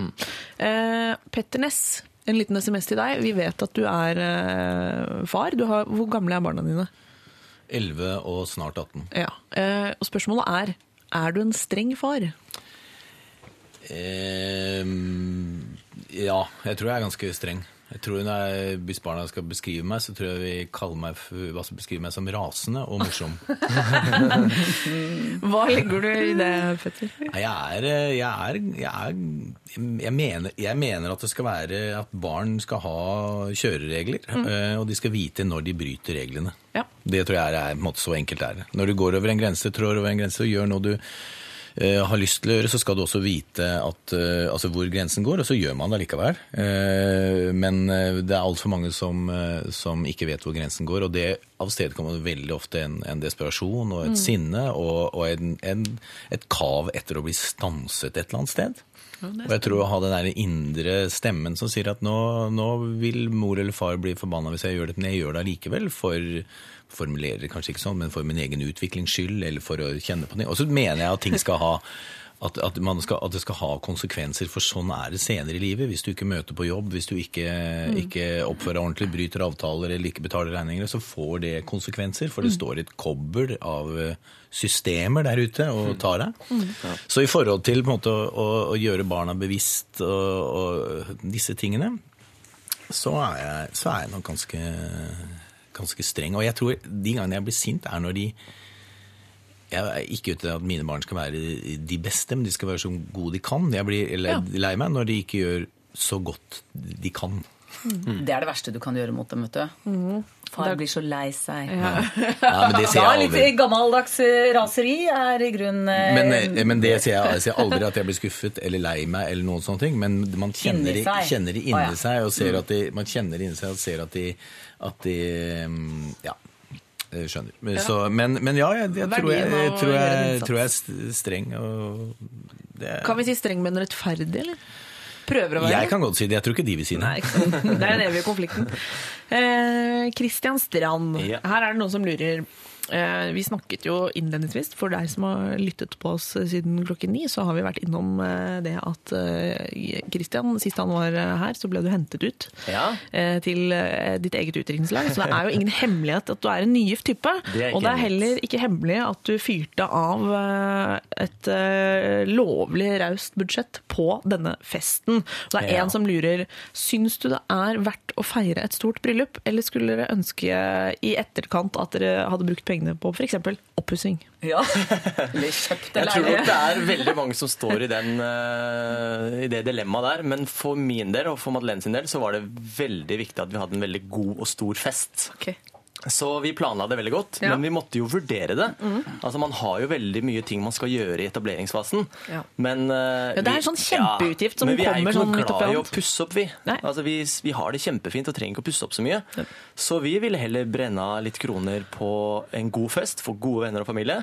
Tre dager til ende i Italia. Oi, oi, oi. Det syns jeg var mye bedre enn å fikse et bad. Ja. Ja, Og så kan man heller dusje på gulvet. Eller et eller annet.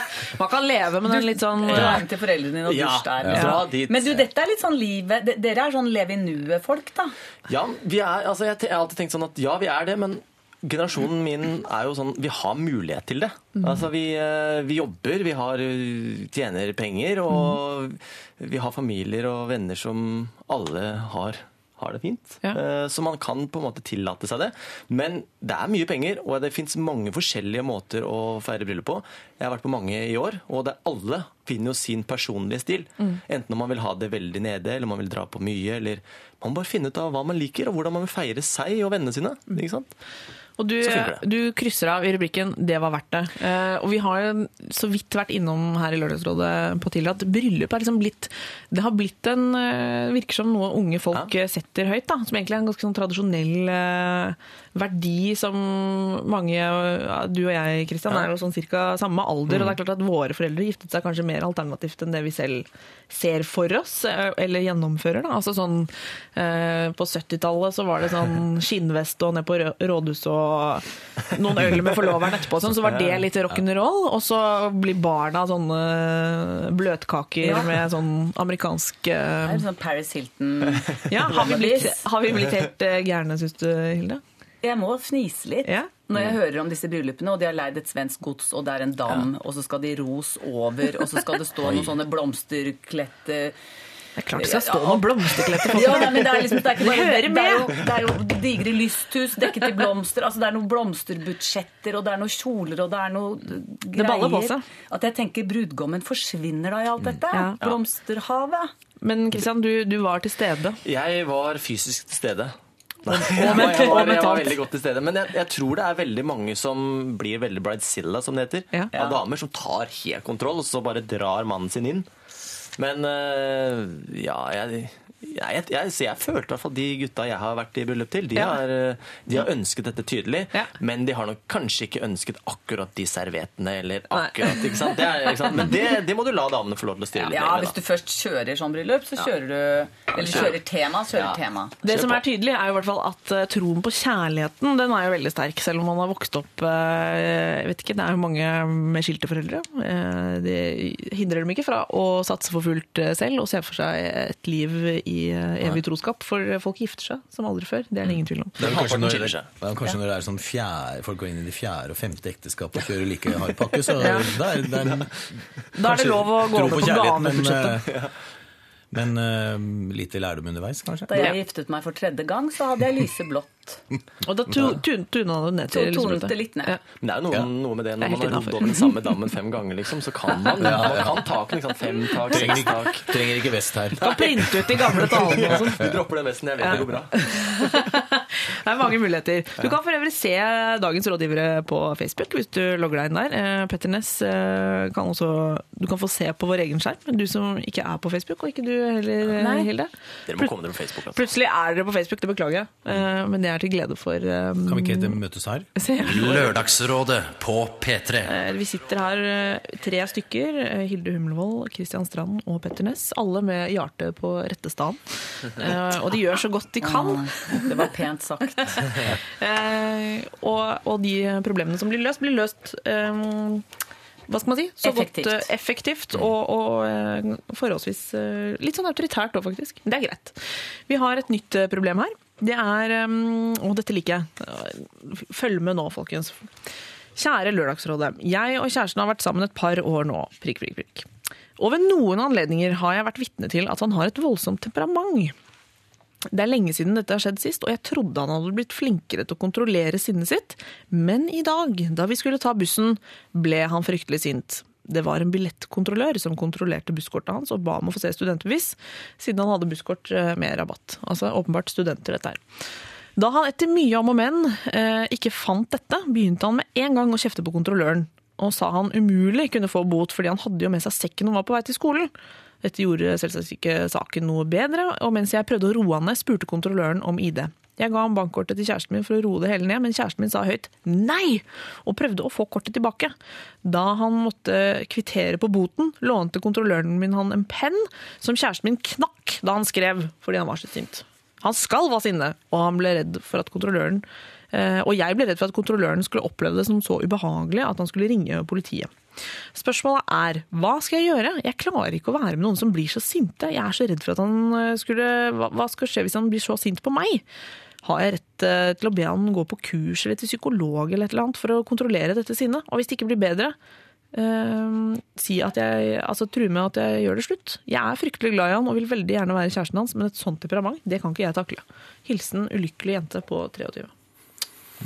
Jeg skjønner at hun er ulykkelig. Ja, det, er sånn, det, det er ikke noe digg å se folk klikke, men nå er jo faktisk det å ha gyldig billett og bli tatt i kontroll er jo sånn Det er jo noen ting der som er, er innafor å, bli litt sånn sint for. Det er en presset situasjon og det er ikke noe Det er ikke sånn Du skal helst ikke bli det, men eh, Det er veldig kjedelig å stå der på bussen og få en bot på 750 kroner Ja. som student når du har betalt eh, både Ja. studentavgift og kort og sånn. Ja. Og så er det jo ofte at billettkontrollørene er litt røffe i er kantene, litt de òg. røffe i kantene. da. Men det er jo noen som fyrer mer enn andre, da. Ja. Ikke sant? Jeg er jo, har jo akkurat sagt at jeg er rasende og morsom. Og den, eh, jeg tror, men jeg er jo sånn, jeg er tar helt av noen ganger. Men jeg tror jeg fordi man, ofte man holder igjen for lenge. Er for blid og for høflig for, Ja. for lenge. Ja. Og så kan det være de mest irrasjonelle ting som, som gjør at man, eh, at man fyrer av. Eh, Og det bør ikke, kanskje ikke handle om akkurat den aktuelle eh, situasjonen engang. Så, det, så det, det første kan jo være å begynne å altså snakke med han om hvorfor han altså Prøve å etter, etterlese hvorfor han ble så sint i Han den skal- situasjonen. Han skal sinne og knakk altså pennen. Men mm. jeg unnskylder han litt det. eh, Men får vi en følelse Får vi vite om dette er et eksempel Det på er et eksempel. Hun trodde han var litt ting. ferdig med det. Eh, Det er lenge siden det har skjedd sist, eh, skriver jo hun. Og jeg trodde han hadde blitt flinkere til å kontrollere sinnet sitt. Det har han jo kanskje blitt, da, hvis det er lenge siden sist. Men så kommer denne kontrolløren og, og utløser det hele.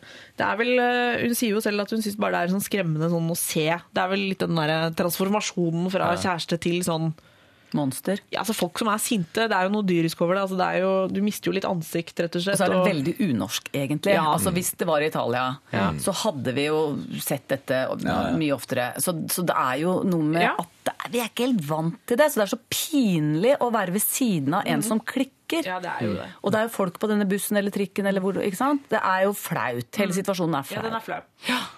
Ja, det er jo det. Ikke sant? Det er jo rett og slett eh, kjempe, kjempepinlig. Men også kan det kan det hende han var forbanna på seg selv, fordi han har en tendens til å glemme ting. og så har han glemt dette kortet enda en gang, og så får han den boten og sånne ting. Men, eh, men av og til så er det ålreit å liksom bruke litt tid på å finne hvorfor ble det så sinna akkurat nå, da? Men jeg, jeg tenker at det er vel litt feil å be han dra til en psykolog for det. Ja. Eh, jeg tenker kanskje, Vi skal jo ikke si at man skal snakke sammen, men noen ganger så må man bare spørre hvorfor i all verden Ja. fyrer du sånn? Eh, og istedenfor på en måte å booke en psykologtime og, og sånn med en gang og lage et problem. ja. Det hadde vært verre. ikke noen psykologtime med en gang. Nei, sånn det at være eh, det. kan du vel egentlig Men det er nå så. Da, da, du får det jo på sikt Ja. hvis det er alvor. Men, Ja. men det jeg tenker, er at eh, når da kjæreste sier du Vennen min, kan vi ikke snakke om det som skjedde på bussen i dag? Hva, hva er det i deg som gjør Kan du prøve å sette ord på det, tror du? Allerede der så hører jeg at han sier 'kutt ut av'. Jeg ble Eller fyrer og knekker en penn. Ja, ja, eller det. Eh, Så det, ofte er det ikke noe Det, at kjærestepar skal snakke om noe som for den ene oppleves som kjempealvorlig, og den andre oppleves som bare litt u... Altså Ja. litt sånn kleint å begynne å snakke Ja. om. Eh, Det er jo da man trenger en tredje person. Så det hadde vært ålreit om kanskje Jeg tror hun trenger hjelp til å få noe hull på dette her, så tror jeg ikke hun klarer det alene. Nei, jeg tror ikke jeg tror han går i vranglås. Så da tenker jeg en kompis av han som er litt ålreit, eller en venninne av henne, eller eh, noe. Noen. Som på en måte kan være med på dette her Forstår du hva hun sier? Oversettelsesgreiene, vet dere. Det kan jo hende at, uh, at denne jenta ha, ha, er veldig lugn. Altså, for alt vi vet, så kan det jo hende at hun uh, aldri klikker. Altså, noen mennesker hater jo å krangle eh, intenst og, og, og blir, føler seg truet av med en gang noen hever stemmen. Ikke sant? Der kan man jo ha litt sånn ulik uh, Ja, for det er jo litt trist det hun skriver. at de er, Der kan jo de være litt ulike. Altså Hvis han syns at det er herlighet, jeg ble tatt i kontroll og hadde julebillett, jeg ble, kjempe, jeg ble kjempe, kjempesint. Altså Det kan jo føles som noe han har, nærmest føler han har rett til. Og, og at det kan virke nesten hemmende hvis, hvis det skal bli sånn du kan gå til psykolog siden du ble så sint i den kontrollen. Mm. Så, Han sier 'du burde gå sjøl', sier han. Ja, du Men eh, det er jo allerede da det er det, er det der vanskelig å snakke når to opplever en situasjon så forskjellig. Ja. At da er det jo ofte konstruktivt å få med seg en tredjeperson som begge Ja. tåler, og som kan på en måte være med å prøve å oversette litt for disse her. Eh, Hva tror dere, da? ja, hva tror dere?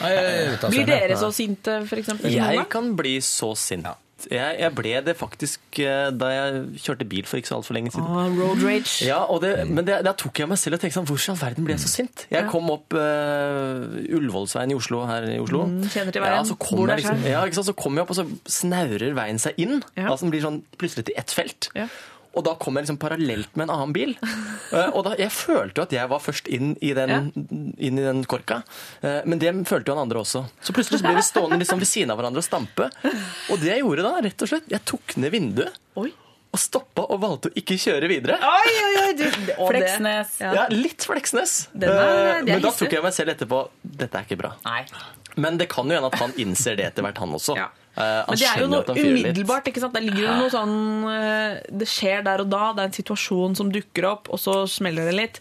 Eh, uten, uten å undervurdere problemet til ulykkelig jente på 23, så er det jo sånn at det hører jo med i livet at man kan bli litt irrasjonelt sint Ja. innimellom. Men hun har et problem, og Yes. hun har blitt redd. Og Ja. hun vet ikke om hun orker å leve med en som plutselig knekker ja, det penner og blir så utrygg av. skjelver av raseri. Yes. Og, og hun sier jo 'hva om dette går utover meg'? Hva om Ja. jeg trigger et eller annet som gjør at han plutselig knekker meg i to. Ja, og det kan man vel si Det er jo en ubehagelig følelse, men eh, det vil jo ikke nødvendigvis skje. Altså Selv om man knekker en penn, så knekker man ikke nødvendigvis nakken på, på kjæresten sin. Eh, Men det at noen fyrer seg veldig opp, sånn hvor, hvor du føler at det dukker opp i situasjoner hvor du bare Hæ, nå? Hvorfor ble du så sint av det? Altså Det sår jo en utrygghet. Eh, og hun har jo et problem der. Ja, men Skal vi gå for at hun må snakke med mm, en venninne? Var det, det var for lite å sende han til psykolog for den Nei, nei, ja, det tror vi kanskje, da. Ikke Ja, det sant? tror jeg kanskje. Men det å snakke om det Jeg tror ikke noen taper på å snakke om ting. Nei. Jeg tror bare ofte at det er litt vanskelig at de to som har sikkert så forskjellig oppfatning av hva som skjedde, Ja. at de to skal få en veldig fruktbar samtale, det Ja. er kanskje mer tvilsomt. Ja. Sånn at hvis de fikk med seg en tredjeperson, Ja.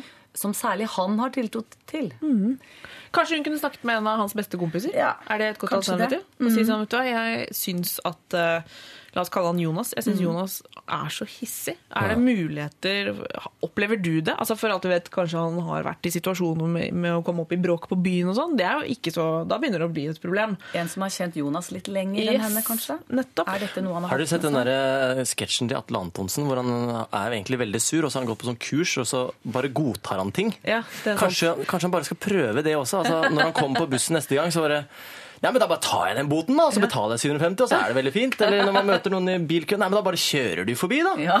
Altså bare godtar Ja. ting sånn Hvis ikke sant, du er og støvsuger, og ting Ja, ja. faller ned, så bare Nei, men du skal være med på turen, du, liksom. Ja. Ja.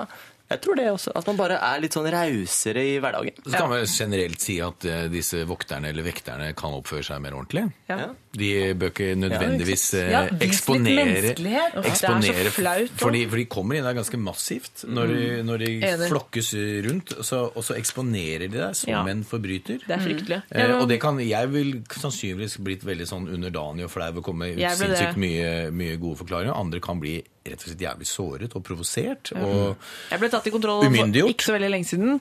Og da var det i god tro. For jeg, jeg trodde jeg hadde en dag eh, eller to til på månedskortet mitt. Så var det gått ut ettermiddagen før, og det var om morgenen. Så jeg viste kortet mitt, eh, hadde ikke, var ikke nervøs eller noen ting, og så var det gått ut.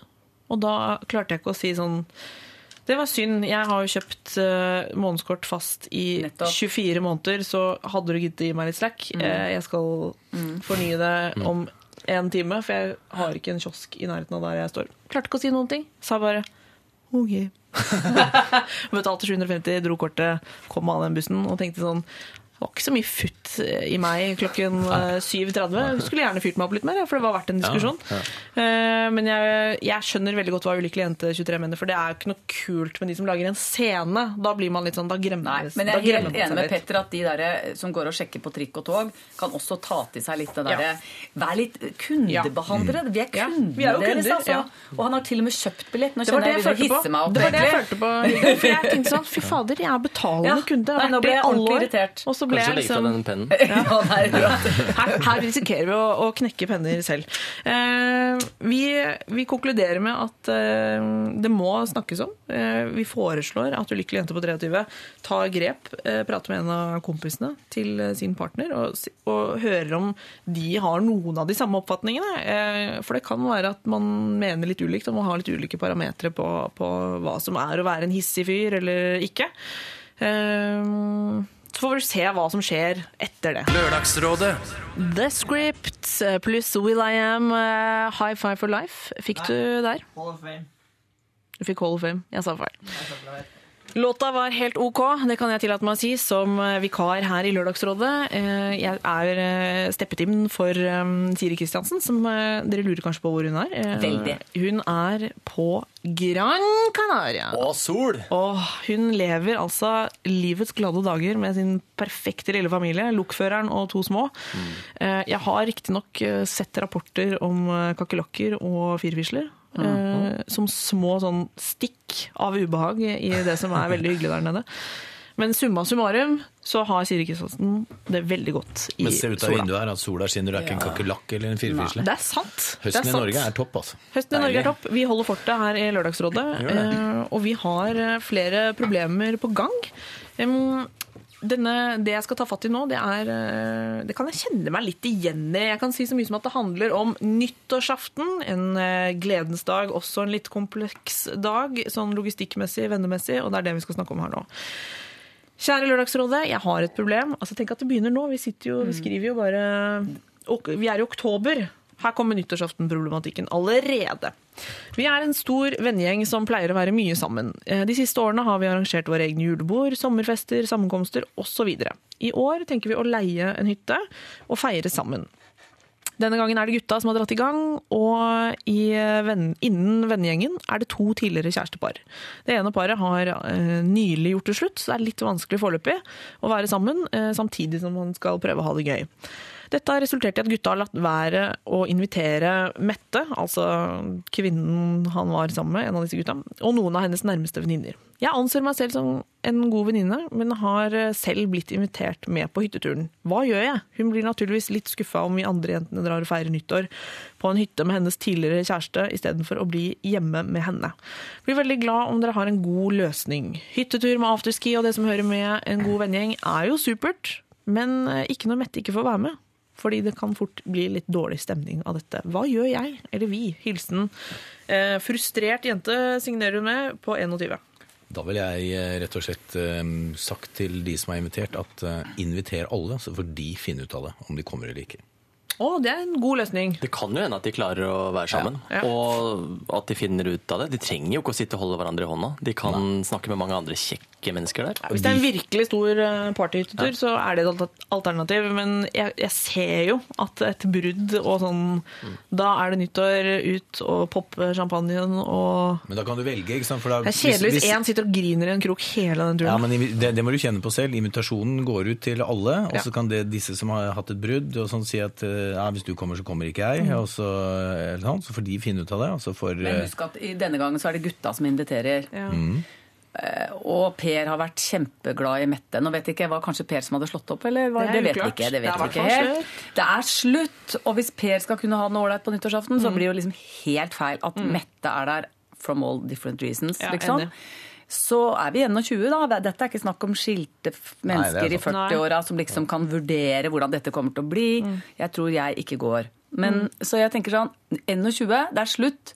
Må jo kanskje være lov å si at eh, Nei, vi ber ikke eksen til Ja. Fordi at Uh, Da jeg kjenner meg igjen i det der. Jeg synes, jeg synes eh, dette er en, Hun er 21, men fader, altså, det der er kommer- jo et problem hele livet, egentlig. Så kommer det litt an på hvor tett denne vennegjengen er. da. Mm. Altså Hvis dette er en vennegjeng som på en måte har bytta litt kjærester innvendig, eller altså, inn Jeg i er 21, gruppa og så sånn. jeg tror de kanskje har vært Ja, ikke sant? Man har vært på de fleste der. De har vært gift i 20 år. Eh, Ja, ikke sant? Så de har ikke vært sammen så lenge og sånne ting. Hadde det vært en utenforstående, så er det jo lettere å si at sorry, invitasjonen går ikke til deg, du kan feste med noen andre denne gangen. Men hvis det er noen som på en måte er venn med alle de andre, så blir det jo litt det er litt dårlig gjort da, å la hun sitte igjen. Men det sto jo. Mette og hennes venninner. Ja, det Sto ikke der, så hun har sin lille klikk. Hun har, liksom. Hun har hun er ikke helt alene, for er- der er det en forskjell. Men hvis disse gutta bedriver en form for kollektiv avstraffelse, så Nei, jeg tror de bare fasa den ut. eh, Fordi de bare tenker det blir kleint. Ja, det blir? Så vi har lyst til å ha det morsomt på nyttårsaften. Ja. Og det er å be om trøbbel hvis Ja. eh, Mette kommer. Vi får jo tro hun ikke heter Mette i virkeligheten, da. Ja. Jeg heter ikke Mette i virkeligheten. Nei. Hun står i gåsetegn. Så kanskje har man rett lov til det når man er 21 år og det er en gjeng som skal møtes, og hun har en annen gjeng og noen venninner og Ja. Det kan jo hende det blir koseligere for Mette også. Ja. Altså er- de, det hvis de, er et viktig poeng, De, ja, ja, fordi venninnene kan dra til London Ja. eller New York eller Jeg noe sånt har og en, eh, feste til Veldig god venn- Jeg har vært i den situasjonen her Vi leide et hus, eh, min vennegjeng, eh, i Italia for en del år siden. Og da ble det slutt med det ene sentrale paret før turen. Eh, og de tok eh, en uke hver. de delte det på den måten. Eh, som profesjonelle folk så, så, løste de det på den måten. Eh, det er litt vanskeligere med nyttårsaften. Så kan jeg nevne at eh, den kvinnelige delen av det paret, hun gjorde faktisk eh, noe ut av disse nyttårsaftene. For, for vi sitter i en sammensveiset gjeng, og nyttårsaften det popper opp som noe av det første som blir sånn Å nei, hva skjer med nyttårsaften? Og da valgte hun vet du, nyttårsaften skal jeg ikke feire i Oslo til jeg er over den eh, kjærlighetssorgen. Så hun var Brasil, London, eh, Amsterdam. Det, ble en greie. Gjorde noe ordentlig morsomt med noen andre venninner på de nyttårsaftene. Og liksom snudde det, Det til noe som som var litt kult, og hvor man slapp den derre at man skal sitte og drikke den der boblebrusen ved siden av han som egentlig gjør deg lei deg. Og ja, Det som det det ender med, vet du, det er at Mette og de venninnene leier nabohytta. Oi, og har den kuleste Ja, det er bare så gøy der. Masse nye gutter som kommer. Ja, ja, ja. Oh la la. Boblebad ute. Eier Så kan Per sitte med den trøtte gamle gjengen, og så kommer de nye, ferske, gøyale vennene til Mette. Ja. Og der er det party. Bare baristaer som kommer. Ikke Ja, ja, ja. Jo Alle blir forelska i hverandre og blir sammen. Nei, men eh, Frustrert jente på 21, du får dra på, dra på den hytteturen, men, men si nå at du syns det er eh, Snakk med hun som blir igjen, og, og si at vet du hva, jeg, jeg kommer til å dra på den hytteturen, og jeg får vondt av deg i den situasjonen du er nå, men jeg tror ikke du ville hatt det så kult der. Eh, og finn heller på noe med noen andre, osv. Går det an, eller? Ja, Så går det vel an å si til Mette at Per er innmari lei seg. Ja. Så alternativet, hvis du blir med, som kanskje Ja, det er jo kanskje at han sitter og er skikkelig deppa på nyttårsaften. Og siden det er gutta som inviterer, så tar de mest hensyn til. Per denne gangen. Ja. Ja. Det, sånn, sånn er det bare. Ja. Det er bedre at eh, de har det morsomt hver for seg, enn at ingen av dem får noe ut av den Eller at de sørger hver for seg, men Ja. sitter sammen og sørger. Altså Det kan fort bli så innmari sørgelig nyttårsaften for innmari mange mennesker. Ja, det er sant. Det. Ja. Ja. Ja, jeg skjønner, jeg skjønner jo faktisk at det er et problem, for de hadde jo funnet en løsning på dette Ja. nyttårsaften-problemet. Ja. At de alltid feirer sammen når de reiser av gårde hele gjengen, og så kommer hun og bryter opp sånn. Så Ja. Ja, det er røft. Eh, nyttårsaften det er jo ofte en pangstart på alt som er vanskelig. Altså, hvis det er utydelige relasjoner, så blir det i hvert fall tydeliggjort på nyttårsaften med hvor man skal spise den kalkunen og drikke de boblene. Eh, LR-alfakrøll-nrk.no, det er eh, mailadressen vår, hvor du kan sende inn eh, det du måtte ønske. Helst problemer som kan la seg løse på lufta. Og det er P31987 som er adressen vår på SMS. Vi tar imot alt som kommer. Nå skal vi ha et lite pauseinnslag, sånn at vi kan trekke pusten og tørke oss litt inn i øra, for vi, her går det for seg. Vi sitter i studio med øreklokke på, og solen steker inn på Marienlyst. Vi er sånn kokt i pæra hele gjengen der. Eh, og da er det greit å vite at The Sun Always Shines On TV med a-ha kommer. Men først Blood Command. Først er det. Blood Command med High Five for Life. Lørdagsrådet. Det var a-ha, The Sun Always Shines On TV. Det var den jeg gleda meg til, for det er en eh, topplåt. Eh, Så må de gjøre det. Det skinner alltid på TV. Ja, Kan du bekrefte det, Hilde? Du som har forlatt TV-bransjen. Ja, men egentlig.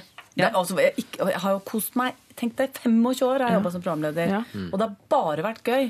Ne, jeg tror nesten. Det Ja, har vært en og annen Jo, jo. dyp Men du har likt det. ting innimellom, selvfølgelig. Men og, elska det. Mm. Uh, Er det like mye sønn som Always Shines i skoleverket? I mitt, der jeg er, syns jeg det er fryktelig mye sol og glede. Ja, det høres jeg helt sånn derre jeg Men jeg, jeg syns det, det er så artig å ha en jobb som jeg liker så godt. Ja. Og det visste jeg jo ikke på forhånd, så jeg føler liksom at jeg har tatt et litt lykkelig valg. Er ikke det bra? jo, det er kjempebra. Og så kan det hende det kommer til å være litt programleder eh, altså, Det er jo ikke sånn at alle bror er brent og sånn, men akkurat nå vil jeg være lærer. Ja. Og det, det går altså an Det er jo godt å tenke på også. Noen søker rampelyset, andre søker ut. Det er verdt å ta med seg i disse dager, hvor mange tenker at blir jeg ikke sett på TV eller blogg, så vet jeg ikke om jeg har lyst til å være med i samfunnet. Vel, det går an å finne andre måter å finne lykken på. Så var du heldig at du hadde en utdannelse fra før, da. Ja, det var Ja, rart. jeg satt og tenkte på hva jeg har lyst til å gjøre, for nå var jeg begynt å bli liksom tenkte nå, Hvis jeg skal gjøre noe annet, så må jeg gjøre det nå. Ja. Og så var det jo dette med at jeg hadde lyst til å undervise, jeg hadde lyst til å sette mot i folk. Og, Ja. ja. Være liksom Og så kom jeg jo på, eller jeg visste jo det, da, men jeg hadde altså lærskolen fra Cambro Silur, og det å finne fram det derre gulnede arket hvor det står litt sånn meget, Ja. G, meget, veldig Orden håndskrevet. Hamar lærerhøgskole, ikke sant? Det var rart. kom du, fikk du faktisk bruk for det. Så når, du, når folk lurer på sånn, skal jeg ta en utdannelse eller skal jeg ikke gjøre det, så er Det kanskje svaret kommer rett og til nytte om 25 år. Herlighet, tenk deg det. Det er, det er godt å høre. Eh, vi har fått inn et lite mm, skal vi kalle det et lite hasteproblem? Det kom på SMS her nå. Eh, forrige helg var jeg på en første date med en fyr jeg har gått og sikla etter i lang tid. Da høres det ut som det er veldig hot, da. Eh, daten gikk bra, eh, og i kveld har han invitert meg hjem på middag. Noe jeg har gledet meg veldig til helt til jeg hørte hva som var på menyen. Nemlig sushi. Jeg hater sushi. Jeg blir dårlig av tanken. Men for å virke interessert nok har jeg jo Nei, for å virke interessant for denne fyren har jeg ved en tidligere anledning nevnt at jeg liker sushi. Veldig dumt, men jeg vil jo ha han. Hva gjør jeg nå? Jeg kan jo ikke avlyse heller. Hjelp! Hilsen Morten, faktisk. Så dette er en gutt. Men, men da har du lært det, Morten, at du ikke, ikke si at du liker ting du ikke liker. For at du Åh, får det i fleisen alltid. Så det er dumt. Men nå er det sagt, det er gjort. Han tror du elsker sushi. Nettopp derfor så er det det som står på menyen. Ja. Um, Det er jo veldig hyggelig tenkt, da. men det er dette denne... som dere kommer til å le av i talen til bryllup og sånt. Nå, Ja, ja. så kommer dette, ikke sant? For det blir jo en god historie, men akkurat i kveld så er du nødt til å svelge unna, tror jeg. Altså. Ja, det tror jeg også. Tror jeg, og det er jo objektivt sett så kan sushi er kjempegodt. Ja. ja, det kan jeg også si. Det er jo- Ja, objektivt sett, ja. Ja, men det er jo det. Det er jo god. Det er jo fisk, fersk fisk. Det er sunt. Kjempesunt. Skvalper du i deg Og egentlig hvitvin en ganske mild smak som ikke er så Det er vanskelig noe- er å like. Dette skjønner jeg ikke som har noe med konsistensen, men du får nå i hvert fall spise risen og så putte de laksegreiene i skoen eller noe sånt. Kjør på makene, vet du. Ja, det kjør på enkleste det er mest ris og minst fisk. Ja. Og, og, og det, det er det må bare, Han må jo se bare dette signalet. Hun har lagt seg i selen og inviterer på sushi. fordi han, hun har fulgt med på hva han har sagt at han liker og er glad i. og sånn. Så her, jeg sier som Hilde, svelg unna. Ja. Ja. Så kan du liksom se litt rundt i rommet. Fins det noen potter? Fins det noen muligheter Ja. for å lure unna en liten laksebit? En, et kamskjell som ligger i hjørnet? Eller noe en inni her, sånn, scampi? Ja. Men du, var dette, er to gutter eller gutt og jente? To gutter. To gutter, ja. Så det er altså Ja, det var en Jeg tenker at det er litt mer sånn eh, når det er eh, det er, er ikke det litt sånn typisk sånn freshe homofile? De inviterer på sushi, vet du. Ja. Det er ikke så lett å lage god sushi hjemme, da. Det skal skal han lage det Han har selv? kjøpt Han har kjøpt det, ja. Jeg håper Ja, det. Nei, jeg vet ikke. det det, det, det står jo sushi. Sushi er på menyen. Eh, Det kan jo hende han bestiller det. Hvis, det er sånn hjemmelaget sushi, da, da vet du, det er ikke jeg så begeistra for. Nei, ikke heller. Ta den kvelden. Det blir sikkert topp. Det blir en Ja. god historie etterpå. Det er det det blir. Det blir en kjempemorsom historie. jeg lurer på om har dere vært i samme situasjon selv? Jeg har vært i den siste, altså det jeg har, men altså, det var en sneglesituasjon. Det var en sneglesituasjon. Jeg svelga unna. Ja. Uh, og jeg har lovet meg selv etter det. faktisk Det er en av de få tingene jeg har liksom tatt sånn oppgjør med meg selv. Jf. å være klar i talen, Petter. Ja. Og bestemme meg for at jeg skal si nei neste gang. Altså Jeg skal ikke spise snegler mer. Og det er så godt å ha bestemt seg for det. At selv om det er liksom umulig å komme unna, så skal jeg si dessverre, det går ikke. Jeg får vorter og, og pels, så det går ikke. Men men ja. sant? Det går ikke an å ha altså, jeg, jeg spiser heller ikke snegler. Men du, kom, men du, ikke bli, du kan ikke ha snegler til middag. Man spiser, ikke, man spiser seg ikke mett Nei på da, men de snegler. kommer Det er- jo da med noe Seks stykker eller noe. De kommer til forrett, og så liksom vær så god, og så ligger det seks sånne ekle, runde slimklumper. Det er da jeg skal si at nei, det går ikke. Ja, jeg spiser faktisk snegler, med glede. Men eh, jeg syns voksne mennesker har lov til å ha noen ting på menyen. Etter et liv med at man har puttet både det ene og det andre inn, og gjort seg noen vurderinger om hva som faktisk eh, er en glede og ikke. Det er lov å si at man ikke spiser snegler, selv for kjærligheten. Bare Men- man ikke blir en sånn særing. Ja, men Helt Fordi. Ja, for Det er det er det det- verste er jeg vet, når folk sier at ja, jeg inviterer deg på middag, men jeg spiser jo ikke det og ikke Nei. det og det. Nå er det bare supermat. Ja, ja, nei, det går ikke. Eller noe sånt. Ja. Eh, Så her, eh, Morten, som er veldig interessert i det, og at dette skal bli vellykket, vi, vi er vel egentlig rett og slett helt sånn samstemte på at selv Sushi er godt. deg dette. ja, og, og Hilde her har jo spist snegler i Jeg svelger unna. Ja, det er bare. Bare ikke flere ganger, og det, det kan Mye vi si vin. her. Mye vin, gjør det én gang, og så kan du faktisk si etterpå at eh, aldri mer sushi, men eh, det var verdt det. Ja. Der løste vi den, vil jeg si. Eh, Lykke til, Morten, med, med sushidate. Eh, Vi skal tenke på det, vi. Vi skal tenke på det. Og jeg tror egentlig det er ganske mange med Morten med sushien. Så Det er litt blitt så innmari populært, så er ikke alle som er like glad i det. Det er ikke det. Det var Disaster in the Universe eh, med den Beach House-gjengen. Eh, Jeg vet ikke om dere har lagt merke til den. Det er et ganske eh, gjøglete crew. Det er mye dreads, men jeg syns de lager musikk som det svinger av. Så derfor jeg godtar dreadsen, fordi musikken er så Det god. blir god stemning, da. Ja. Eh, Jeg har fått på pukkelen av en på SMS her nå Hjemmelaget sushi er ikke suspekt. Dama lager skikkelig god nigiri og maki. Blir aldri dårlig. Sashimi kan jo alle som har et rent kjøkken og en skarp kniv eh, lage. Stoltenberg gjør det også. Spis mer hjemmelaget sushi! Utropstegn. Med vennlig hilsen Fisketerje. Jeg kan jo si at det syns jeg var veldig godt sagt. Eh, og når det kommer til sashimi, så spiser jeg det veldig mye på egen hånd. Det er bare, Jeg er ikke så spesielt begeistret for den eh, knaingen av ris med andres eh, hender, som ikke er sånn Ja, sushikokker ennå. ja. Men Ser bare så klumpete og døvt litt ut. annerledes også. Ja. Ja, det, det, kreves litt å lage god sushi. Det gjør det, liksom. og jeg vil bare si til fisketerre jeg, er en stor fiskespiser. Eh, Jeg liker også fisk som har vært varmebehandlet, bare så det er sagt. Det må ikke være sushi. Eh, Men det tar altså syv år, ifølge ekte eh, sushikokker, å lære å koke denne sushirisen perfekt. Altså det er et håndverk som jeg syns det er litt sånn Jeg tror ikke det er sånn Nå skal jeg rulle meg noe ris og noe fisk, og så er du der, liksom. Det Ja, er det er det samme som de sier det tar tolv år å bli sånn gondolier i, i Venezia også. Det? Det tror jeg er noe de har skrytt på seg. Altså. Hvor vanskelig kan det være å, skyve den båten fremover? Greit. Jeg, kanskje ikke det er så vanskelig, da, men spis mer hjemmelaget sushi. Ja, men vask for all del Um, hendene først, da, før du begynner å kna den der. Det er Enig. det jeg ja, Vet du hva? Nå avslutta jeg den sushigreia. Det var bare fordi jeg var på et sånt jobbarrangement. hvor det var sånn, Nå skal vi lage vår egen sushi. Og så tenkte jeg sånn, nei, men i alle dager da, Her kommer jo folk rett ut fra trikker og busser, og så skal vi stå her og gni hendene våre i den risen. Det var ikke delikat. Jeg hoppet over. Eh, vi skal videre i sendingen, for eh, folk sliter med andre ting enn det der jeg nevnte der. Eh, folk har andre ting å tenke på. Eh, vi skal over i litt mer sånn alvorsland. Eh, det skal handle om utroskap. Tricky. Tricky business, men akk så vanlig, kan man vel si. Eh, hei, jeg har et dilemma. Jeg jobber mye hjemmefra. eh, Og der skjer det veldig ofte at eh, kollegaer av meg er utro og innleder forhold på turer. Altså jobbturer. Hjemme har de både ektefelle og barn og later som ingenting har skjedd når de kommer hjem. Det gjør meg vondt å se at disse uskyldige lever intetanende om hva partneren driver med på disse eh, jobbturene. Jeg kjenner ikke eh, partnerne til kollegaene mine spesielt godt, men hva ville dere gjort? Det er jo snart julebordsesong. Hilsen Kobra. Signerer med Kobra. Kvinne eller mann? Jeg antar kvinne. Jeg skjønte ikke starten, jeg. Jeg jobber mye hjemmefra. Hadde det noe med saken å gjøre?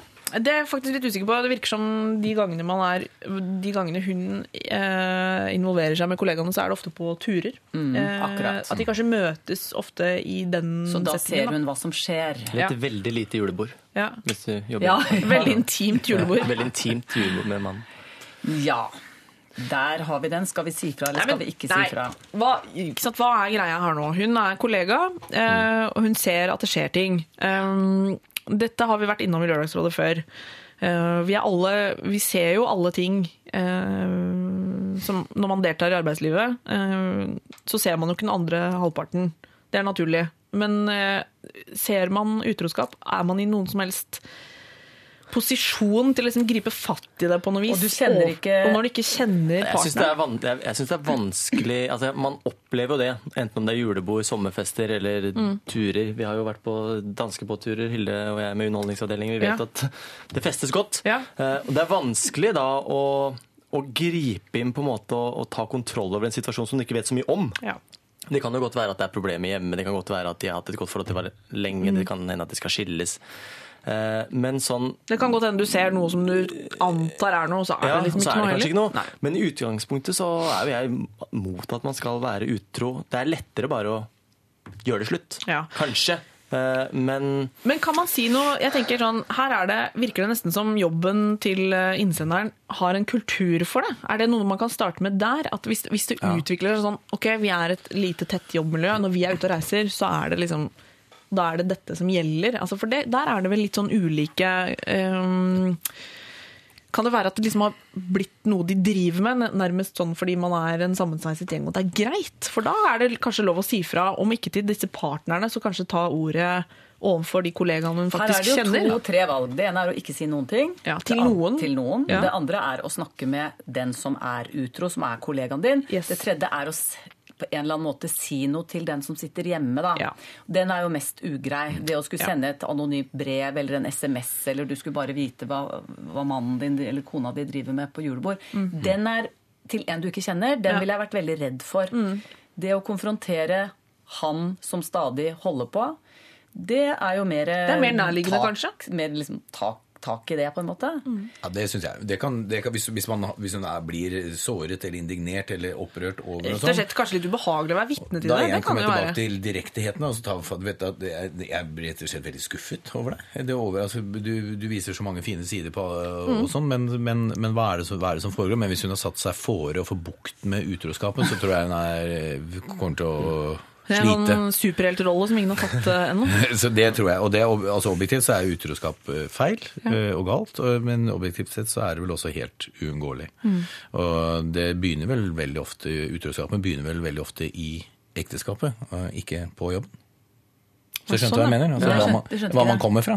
Ja. Altså hva, hvilket forhold man kommer fra. ja. Og så Ikke sant? Og hvis du skal gå inn, i- gå inn og forhandle og megle i alle disse Ja, ikke. forholdene, så, så da, har du, da må du i hvert fall Men jeg begynne reagerer en ny litt på sånn For dette med hva man sliter med i forholdet sitt og sånn, det, det er jo nærmest en ærlig sak. Nå er det ikke en ærlig sak å være utro, men det å eh, være utro veldig sånn åpenlyst, det tenker jeg faktisk er litt ubehagelig for de som er rundt. Eh, at man øhm, Jeg syns det kan sammenlignes f.eks. hvis man har en sjef som alltid blir drita. Altså, det er ikke noe ålreit. Um, det er noe med å vise sider av deg selv som du kanskje som kollega strengt tatt bare ikke er så interessert i å se. Uh, og det når ting blir sånn åpenlyst, så gjør du det også litt sånn du, du blir litt sånn delaktig i noe du ikke er keen på å få informasjon om, eller, eller, mm, eller uh, ha noe Kan med å de, gjøre. gå, kan de gå et annet sted og være Mm. utro? Ja, ja, men det er liksom Ja, det man de- sitter igjen ja, og Du trenger ikke å sitte under middagen på julebordet og, og kose under bordet. Du kan jo gå i en annen etasje, finne et rom, gå ut, Altså møtes Skal du først senere. drive med noe som er Ja. hemmelig og snuskete, så ikke legg det Det hadde jeg syntes vært veldig greit å si til den kollegaen. Ja, går det eller an de å si det, kollegaene, si det at ved at du gjør dette midt i fleisen på meg, så Ja. drar du meg inn i noe jeg ikke har lyst til å være en del av. Ja. Og jeg syns det er kjempeugreit å se på. Ja. Jeg syns innmari synd på kona eller mannen din. Det er mulig jeg ikke har grunn til det, for jeg kjenner ikke det. Men Ja. hele, alt inni meg blir det, altså, Men for meg i denne Du jobb- utsetter meg for noe Yes. som ikke jeg vil være med på. Ja. Det må gå an å si. Så finn et rom. si. Finn et rom, ja. Ja.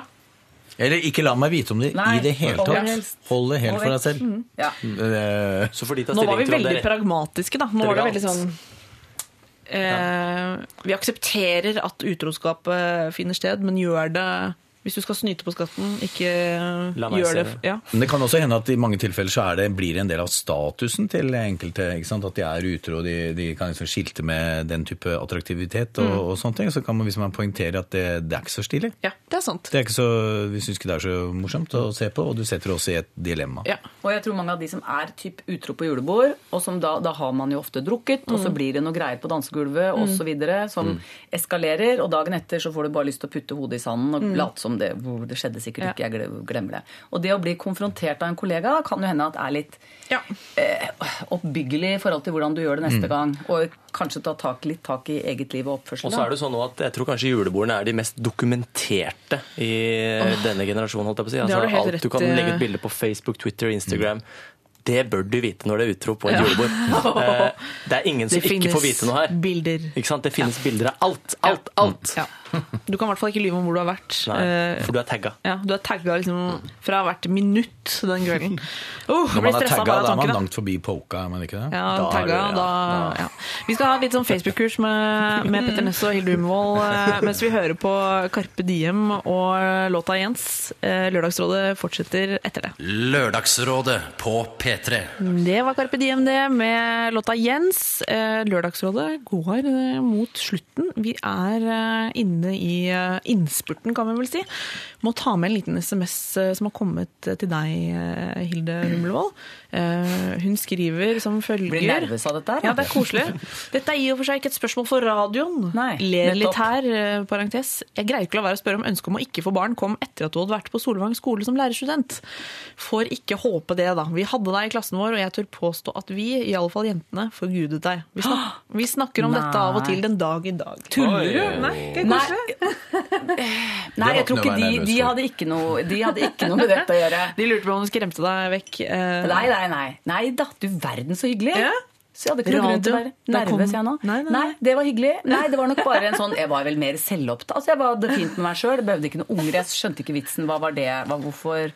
Nei. Ja. Så Men eh, jeg hadde jo et halvt år på skole som lærer etter Ja. jeg ble, var utdanna. Ja. Og det var så heftig at jeg bestemte meg for at uh, foreldre får oppdra ungene sjøl. Og Ja. så slutta jeg, og så begynte jeg radio, og så begynte jeg TV. Ja. Vi kjenner den historien, for å si det sånn. Vi skal dele ut eh, en T-skjorte. Det er sånn, eh, altså Petter Ness, Kristian Christian Strand og Hilde Hummelvold de skal nå kåre eh, den innsenderen som fortjener en eh, P3-T-skjorte. eh, Og som kan ha nytte av å gå med den, eller hva skal, vi si her? Jeg skal gå gjennom hva vi har diskutert. Det har vært mye. Vi har sittet der fra ni til tolv. Eh, Vi har eh, han som er forelsket i baristaen. Eh, Han som forsøker å avvise sin kontaktsøkende barndomsvenn, eh, han som altså var fysioterapeut eh, eller massør eller noe lignende. Vi har hun som blir dynket og liksom kokoskost av kjæresten sin og syns at det var vanskelig. Vi har han som ikke vil ha barn. Virkelig ikke vil ha barn, med versaler der. Eh, Vi har eh, kjæresten som syns at kjæreste... Vi har altså denne temperamentsfulle partneren, som kanskje er for temperamentsfull eh, for vår innsender. Hun som skal på hyttetur og lurer på om hun skal dra eller bli igjen med hun som ikke får være med.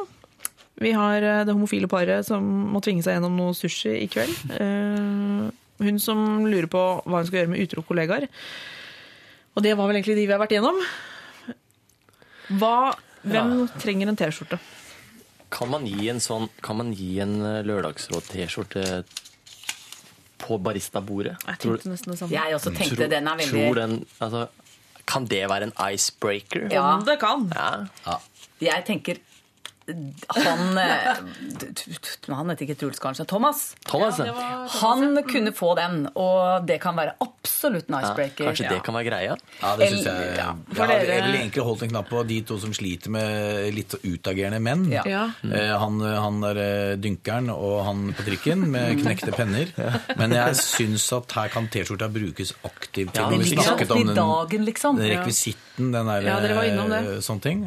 Så den, den, den er jeg er veldig det- Men enig Men du, men du ligger dette programmet på, på, På podkastet? ja. Fordi ja. hvis han gir den, og så sier bare lytt til Ja, Lørdagsrådet det er bra. For det klarer hun ikke å la være å gjøre.